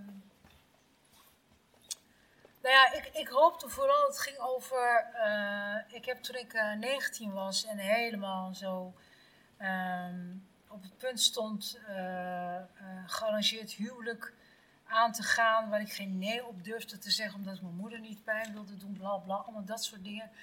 Ehm, had ik. ehm, ja, heb ik het heel eh, moeilijk gehad. ook psychisch. En ehm was ook een geweldige tijd, want het was ook een soort, soort awakening. Heel pijnlijk, heel traumatisch. Ehm, maar ik krijg natuurlijk, eh, eh, ik krijg best vaak berichten van, eh, van jongere mensen die ehm, queer zijn of ehm, het anders willen doen dan hun ouders en onbegrepen zijn. En, en ik gun ze, ik gun ze, ehm, ik gun ze geen pijn en ik gun ze, ehm, ik wil vooral, ik wilde daar vooral zeggen en nu ook, maar dat weten jullie. En daarom ben ik zo blij met, eh, ik was vandaag, ik werd vandaag heel blij wakker. En ik eh, zat eh, heel blij te livestreamen op Instagram voor het eerst.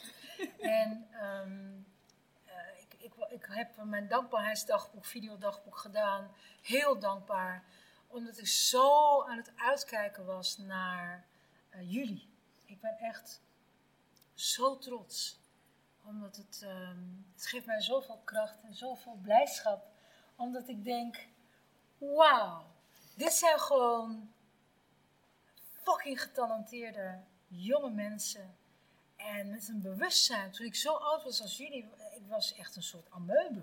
Weet je wel? Ik dacht dat ik natuurlijk alles wist, maar ik wist niks. En ik, was, ik had zoveel last van angsten en zoveel onderdrukte woede en pijn. En ehm, ik eh, liep zo weg voor alles. En ik ben zo blij dat jullie zo bewust zijn van ehm, dat je het aan moet gaan. Eh, ik ben zo blij dat jullie jezelf lijken te gunnen. Dat je niet hoeft te lijden. Dat je, beter, dat je het beter mag hebben dan je ouders. Dat is ook echt dankzij jou hoor. Dat, eh, je bent echt de. Ik had het net over generatie, nieuwjaar, van mijn jij, dat die echt voor mij de enige waren waar ik me aan kon spiegelen. En ehm, ik bedoel, dat heb ik echt over tien jaar geleden. En toen ontworstelde ik me ook echt van mijn familie. En ik ben nu pas mezelf in de spiegel aan het aankijken. En jouw zomergasten optreden sprak me aan. Omdat ik door zo'n mentale struggle ben gegaan. Waar ik nu langzaam uitklim. Maar het is zo zwaar geweest. En toen ik die emotie bij zag, toen brak ik zelf ook. Want ik dacht, ja, jij ziet dat. En ik, en ik hoor dat terug. Want soms dacht ik ook, ik ben echt gewoon een weirdo, weet je? Ja. Ik ben gewoon een outcast en ik spoor niet. En dat krijg ik mijn hele leven ook door. Je bent moeilijk, waarom moet je anders zijn? Waarom moet je altijd koppig zijn? Je bent een egoïst. En dat internaliseerde ik. dacht, ik ben ook zo. Ik ben gewoon een weirdo. En dan hoor ik van jou, je bent geen weirdo. Het Nee. geeft ook die wrijving. En dat wil je soms gewoon horen van iemand. En dat is zo fijn en het voelt zo warm. Dus daarom had ik je ook dat bericht gestuurd, omdat ik echt dacht. Er was een hele emotionele toestand, heb ik dat toen naar je gestuurd. Ik dacht, al antwoordt ze niet, dat maakt me helemaal niet uit, maar dan wil ik dat gewoon gezegd hebben. Ja. Ja. Dankjewel dat je, dat je het hebt gedeeld. Ehm, ja, dat. En ook de jaren daarna. eh, want wat er bij mij gebeurde door de, door de extreme stress. Is, het voelde als een bijna doodservaring. En nu jaren later eh, kwam ik erachter dat het een, eh, een kundalini awakening was. Moet je mij niet vragen precies wat het betekent. Maar de kundalini is gewoon, ener- levensenergie zit gewoon hier eh, in onze basis, zeg maar. En als, als het leven gewoon gaat zoals het gaat, dan gaat dat zo heel langzaam, wordt dat wakker, omdat je steeds volwassener wordt. En ehm, als er heftige dingen gebeuren, kan ook emotionele pijn of stress zijn, ehm, dan, eh, dan wordt dat ineens, eh, gaat dat wakker worden of gaat dat open. Ehm, maar dan ben je er eigenlijk nog niet klaar voor. En dat is wat er bij mij gebeurde. Dus ik, had, ik heb jarenlang extreme angst gehad. Echt letterlijk, gewoon angst ken ik heel goed. En dat ik echt dacht, oké, nu ga ik gek worden. Weet je wel? Maar het heeft er ook voor gezorgd dat ik van binnen opstond. Dat ik wist, nee, dit niet. Dit is niet, Het is geen toeval dat ik bij deze Turkse mensen ben geboren, ook zo, hè? want dissociatief.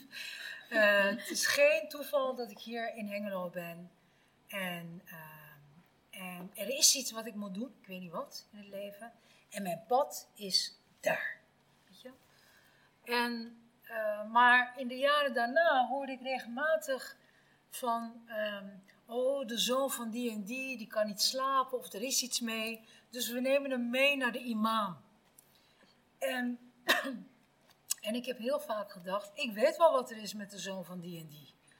Die, is, die, is, die is helemaal niet, uh, uh, die moet helemaal niet naar de imam. Die moet, naar die moet hulp krijgen. Die moet horen, het is volledig legitiem wat je voelt. Het is heel zwaar waar je doorheen gaat. Want jij moet twee werelden in jezelf verenigen. Want je, kan, je bent en en, niet of of.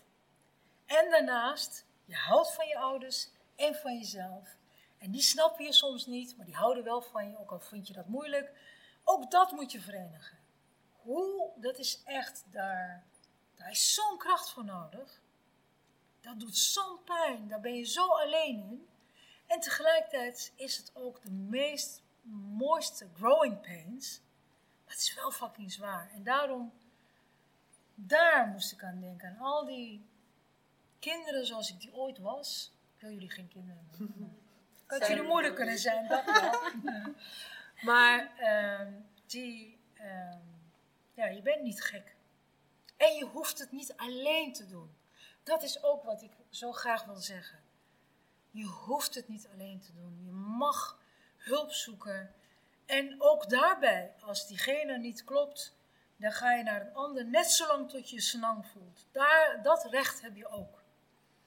En um, er kwam ook een vraag binnen via Instagram van ja. Poepo en Davos van wat zou je hè, mensen adviseren die worstelen met hun identiteit? Daar geef je nu ook een beetje antwoord op, maar wat, um, ja, wat zou je hen adviseren? Ja, dat is een hele brede vraag, vind ik. Wat, wat is het dan? Is ik het heb dan... ook wat, sorry, wat specifiekere vraag. ja. um, iemand vraagt, vanuit onze collectieve cultuur krijgen we als vrouw mee om je kuis en bescheiden op te stellen. We leven in een maatschappij waar we onszelf moeten profileren. Um, hoe heb jij dat aangepakt in je leven? Oh ja, dus je hebt... Uh, je hebt uh, meegemaakt of meegekregen. Ik ook vanuit mijn moeder. Mijn moeder sprak nooit. Die manipuleerde eigenlijk. Mm. En dat bedoel ik met alle liefde. Dat is gewoon, als je wordt meegegeven, je moet je mond houden. En ik ook, je moet je mond houden, stil. Het mooiste meisje is het stilste meisje. Hè? um, dan, uh, ja, ik heb ik heb twee dingen gedaan. Toen ik die Kundalini Awakening had en ik wist, oké, mijn pad is daar buiten. En het is, ik zag telkens een beeld. Ik had geen, ik wilde absoluut niet acteren. Ik had niks. Ik bedoel, jongens, ik woonde in Hengelo, hè. Ik mocht niet eens naar de stad alleen. Of naar buren. Dat moest ik vragen. Dus dat, ik was echt niet... Uh, maar met, met die awakening zag ik allemaal beelden. En een van die beelden was dat ik op het toneel stond en ik sprak. Geen idee, maar ik dacht, oké, dus ik moet zelfverzekerder zijn. Dat ben ik niet. Dus ik heb toen besloten, oké, fake it until you make it. Dus ik heb iets verzonnen, bepaalde, een bepaalde houding, gewoon letterlijk. Fake it until you make it. Van binnen sterf ik, maar van buiten zie je er niks aan af. En je denkt, wauw, daar komt iemand. Dus fake it until you make it is heel goed. Dat ten eerste. En het tweede, um, als je jezelf een plezier wil doen, leer te praten. En dat, dat is, hoe doe je dat? Door eigenlijk die dingen die je het spannendst vindt om te zeggen, al buitelend over je woorden gewoon te zeggen. En hoe oefen je dat bij de mensen die het meest nastaan en niet meteen die je gaan aanvallen, maar gewoon je beste vriendinnen? waarvan je, die veilig zijn, waarvan je weet, of je vrienden, waarvan je weet, oh die gaat mij niet meteen de deksel op mijn neus, of die gaat niet zeggen, je stelt je aan of wat dan ook. Als je dat soort mensen om je heen hebt, dan zeg je alles benoemen. Dan zeg je, oké, Oké, ik ga nu oefenen in, uh, in praten. Ik moet leren praten, want dat is hoe, ik, hoe je je profileert. Je eigen stem vinden is het beste. En die stem is, als het goed is, zonder beschuldiging, zonder schuld, zonder slachtofferschap. Dat is gewoon een soevereine eigen stem. Dat is gewoon, dit is wie ik ben.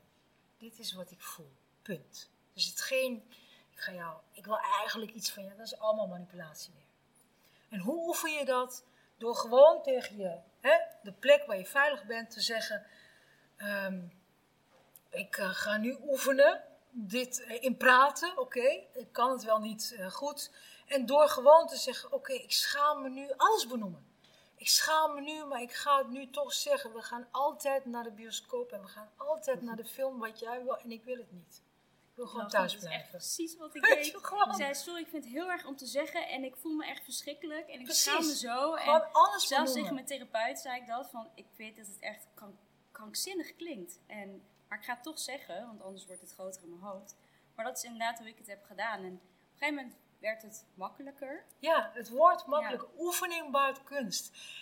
Uh, net zoals in Zomergasten, wat ik ook zei. Mens zijn is mensen. Het is, het is oefenen, telkens oefenen. En ik oefen daar nog steeds in. En ah, ik vind wel dat ik eindelijk kan ik wel zeggen, ook in mijn intieme relaties.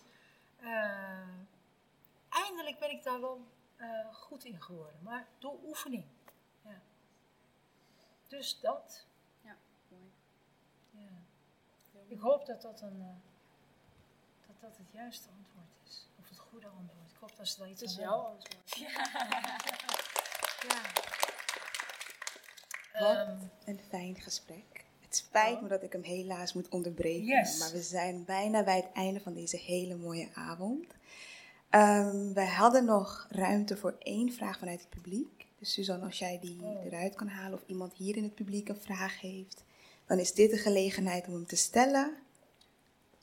Ik kijk jullie allemaal heel erg aan. Iedereen kijkt me aan. Ehm, zijn er vragen? Is er iets wat jullie willen weten?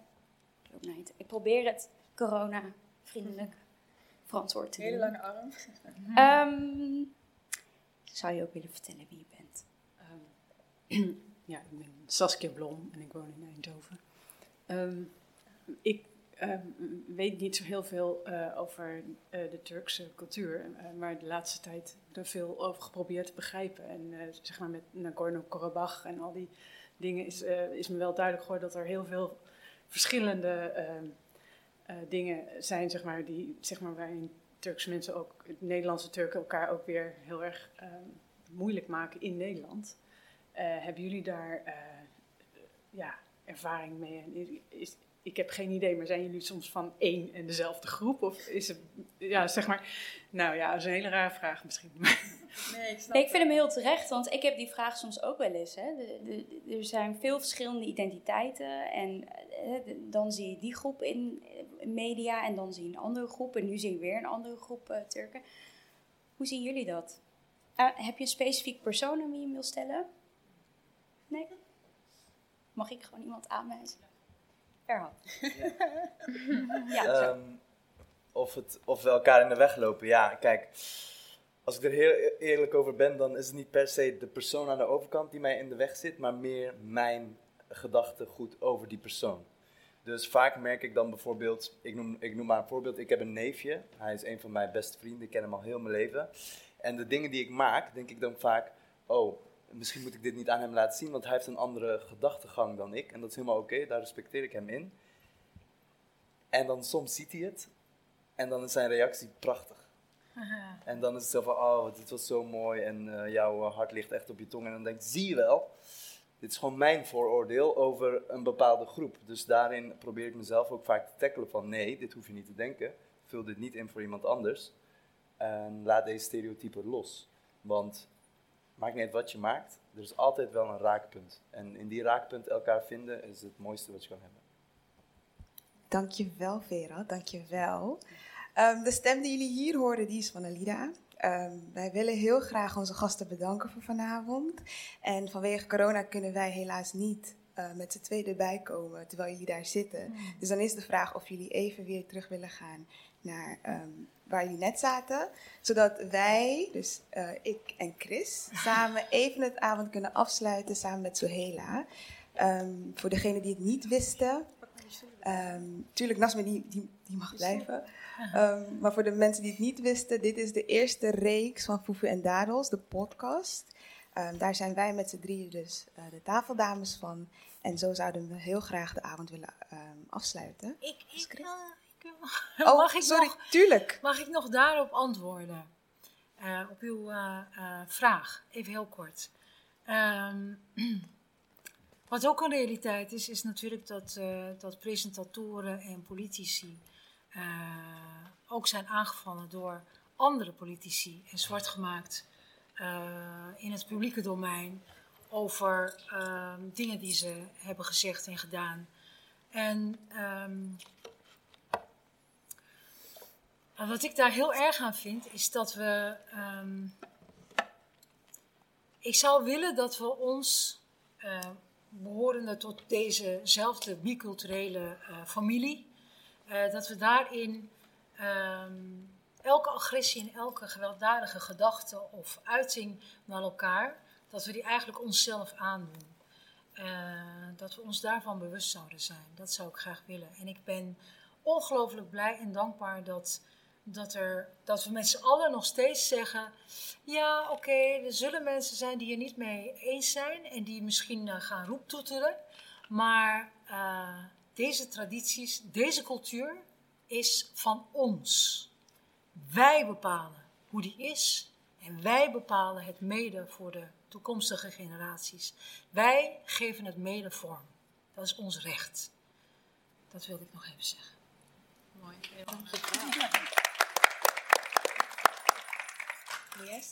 Ja, wat een afsluiting. Eh dankjewel Nasmia voor een prachtige avond met eh, rijk van woorden, verhalen en, ehm, en, en levenslessen. Ik ben Munganyende, onderdeel van Fufu en Dadels. En eh, samen met Alida willen wij heel graag de avond afsluiten. Ehm, ik wil alvast het publiek bedanken voor het aandachtig luisteren. Twee uur is een lange tijd, dus of wij zijn heel boeiend of jullie zijn heel braaf. Ik denk dat we Dat, dat eerste. Ja, precies.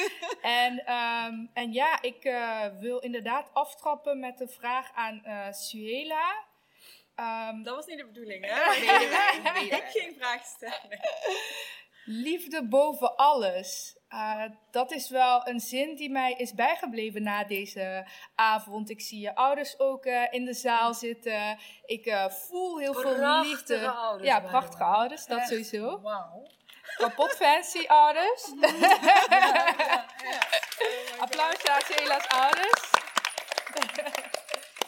Echte. Ja, die gaan echt naast, Dus, naast de schoenen lopen. Daar. En, ja, precies. Maar, maar even voor mijn favoriete Jaltje. Even Ja. de vraag. Liefde boven alles. Ehm, ik voel heel veel liefde tussen, ehm, ehm, ehm, tussen jullie. De mensen eh, waarmee en waarvoor wij deze reeks hebben geproduceerd. De Neder-Turken. Ehm, ik ben ontzettend trots op eh, w- ja, wat voor mensen deze reeks heeft kunnen samenbrengen. Ehm, ehm, is het zo dat liefde boven alles nu eh, jouw eh, motto is geworden eh, na deze reeks te hebben gemaakt?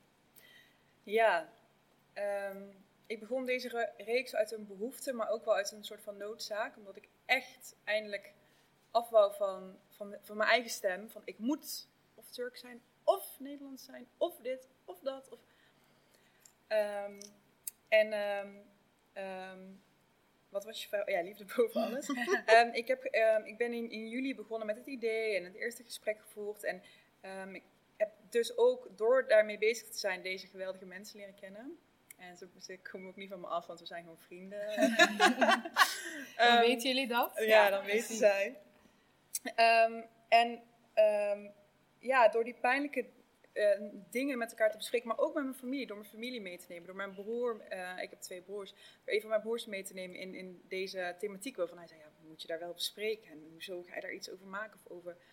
Ehm, en ook wij zijn bij elkaar gekomen door de liefde. Wij houden van elkaar als broer en zus. En als ik hem ook toelaat en die denkt, nou, hij vindt dat vast onzin als ik over queerness ga praten. Want hij, nee, vraag het of heb het er in eerste instantie een keer over. Wat, wat, hè, wat Nasmia ook zo mooi in het documentaire gedaan heeft. Ehm, en dan zijn mensen gelukkig tot nu toe altijd bereid om te luisteren uit liefde die ze voor je hebben. Ehm, dus ja, liefde boven alles, inderdaad. Ja, ja dat is eigenlijk wel. eh, thank you, uh, soulmate. Vind ik zo mooi wat eh, die zin. Liefde is dat wat al die sterren bij elkaar houdt. Dat is het. Dat is het.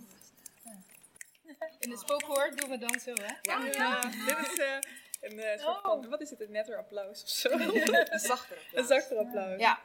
Nou, ik weet niet of mijn vraag dan nog van toepassing is. Want mijn vraag was, wat neem je mee uit deze reeks? Maar ik hoorde dus al een aantal vrienden, of zij dat nou willen of niet. Ehm, Nee, ja, een rijkdom, echt rijkdom.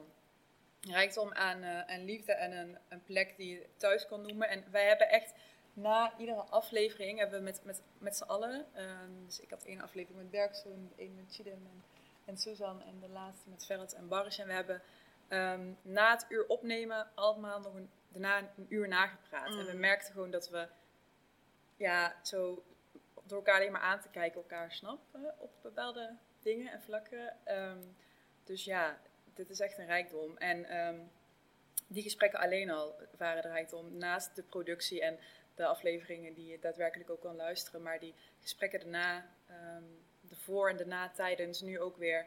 Ja, dat is echt wat ik meeneem. En dat is echt eh, voor mij een heel groot goed. En eigenlijk eh, een stukje van mezelf dat ik nodig had, denk ik. Eh, mooi. ja. Mooi. Oh, ik heb nog een vraag. Ja, go for it. Ik Ja. heb ook nog een vraag. Ja. We gaan gewoon lekker uitlopen. We moeten nog wel dansen dadelijk. hè? Dansen. Beloofd. Op anderhalf meter afstand wel, hè? Ja, ja, ja. Ehm, de psycholoog in mij kan het niet laten om deze vraag niet te stellen. Omdat ik eh, achter de schermen heb meegemaakt hoeveel liefde, hoeveel passie, ehm, ja, hoeveel energie je erin hebt gestoken. Dus ik vraag me eigenlijk af, en misschien een beetje voorbarig, dus ik vraag hem waarschijnlijk nog in een aftertalk maybe. Ehm, maar hoe voel je je nu? Dus als je dit zo inneemt, als je Ja. stilstaat. Nou, wat je zegt, ik denk ook dat het inderdaad een heel groot psychologisch effect op mij heeft gehad. Om ook de mensen, mijn, mijn ouders hierbij te betrekken. Mijn nicht is er ook, mijn vriendinnen. Ehm, ja, dat is voor mij echt eh, de grootste heling die ik kan hebben. En ik heb het afgelopen half jaar ook, voordat ik eigenlijk begon met, met de reeks. En dus met wat mij dwars zat eigenlijk. ehm, professioneel, professionele hulp gehad voor het eerst. En ehm, die ben ik nu ook aan het afronden. Dus dat is, ja, eh, ja als soort psycholoog, cirkel. een soort van Ik had dit blijkbaar nodig. En ook ehm, de woorden van, van Nasmia, ehm, dat je jezelf mag zijn en dat je niet bang hoeft te zijn dat je je familie daar dan verliest. Of dat je jezelf verliest. En eh, op dat kruispunt zat ik echt. En nu is dat ehm, door te zien dat we allemaal daarmee struggelen. Denk ik, nee, dat is niet, dat is niet, dat is niet uitzonderlijk. Of nee, dat Nee. is heel normaal dat we dat hebben. Gedeeld leed is een stuk draaglijker. Ja. Oh ja. Ja. Ja. ja. En, eh, Als, je maar niet, als je maar niet de spiraal naar beneden met z'n allen gaat Nee, Nee, dat is trauma bonding. De trauma bonding, dat is het niet. Dat is Nee, iets waar wij heel erg op, ge- eh, misschien wel onbewust op gelet hebben.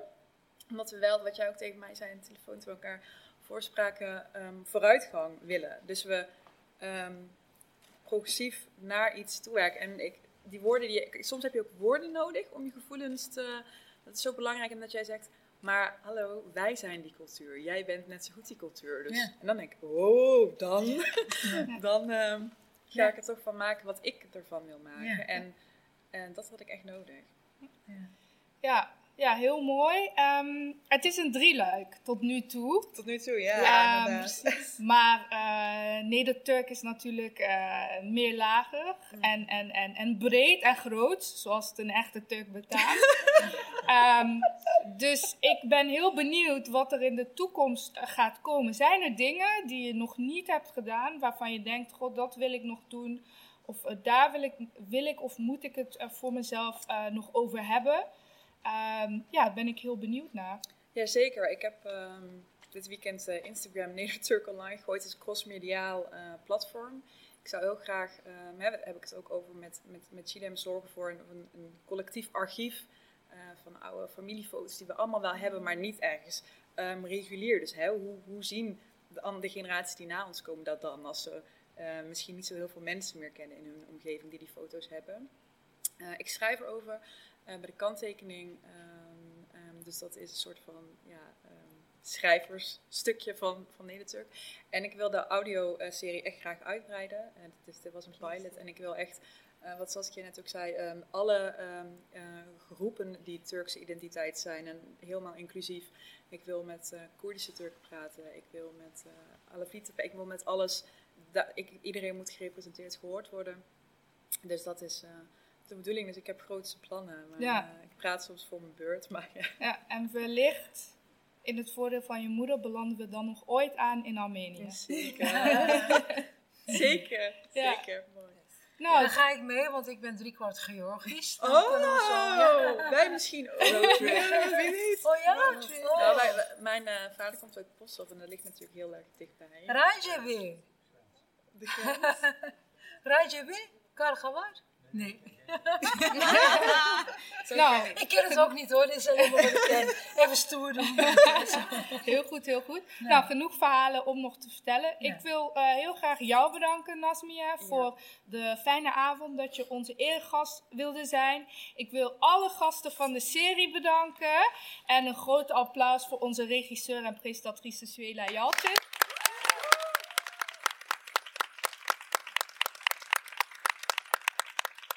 Dit was het. Dit was Nederturk, de serie over Nederturkse identiteit onder millennials en Gen Z, geproduceerd door Fufu en Dados, het productiehuis. Wij maken verhalen voor vrouw van kleur en door vrouw van kleur. En eh, ja, wij willen jullie heel graag bedanken en uitnodigen om vooral naar onze podcast te luisteren en ons productiehuis te gaan volgen. Fijne avond. Kime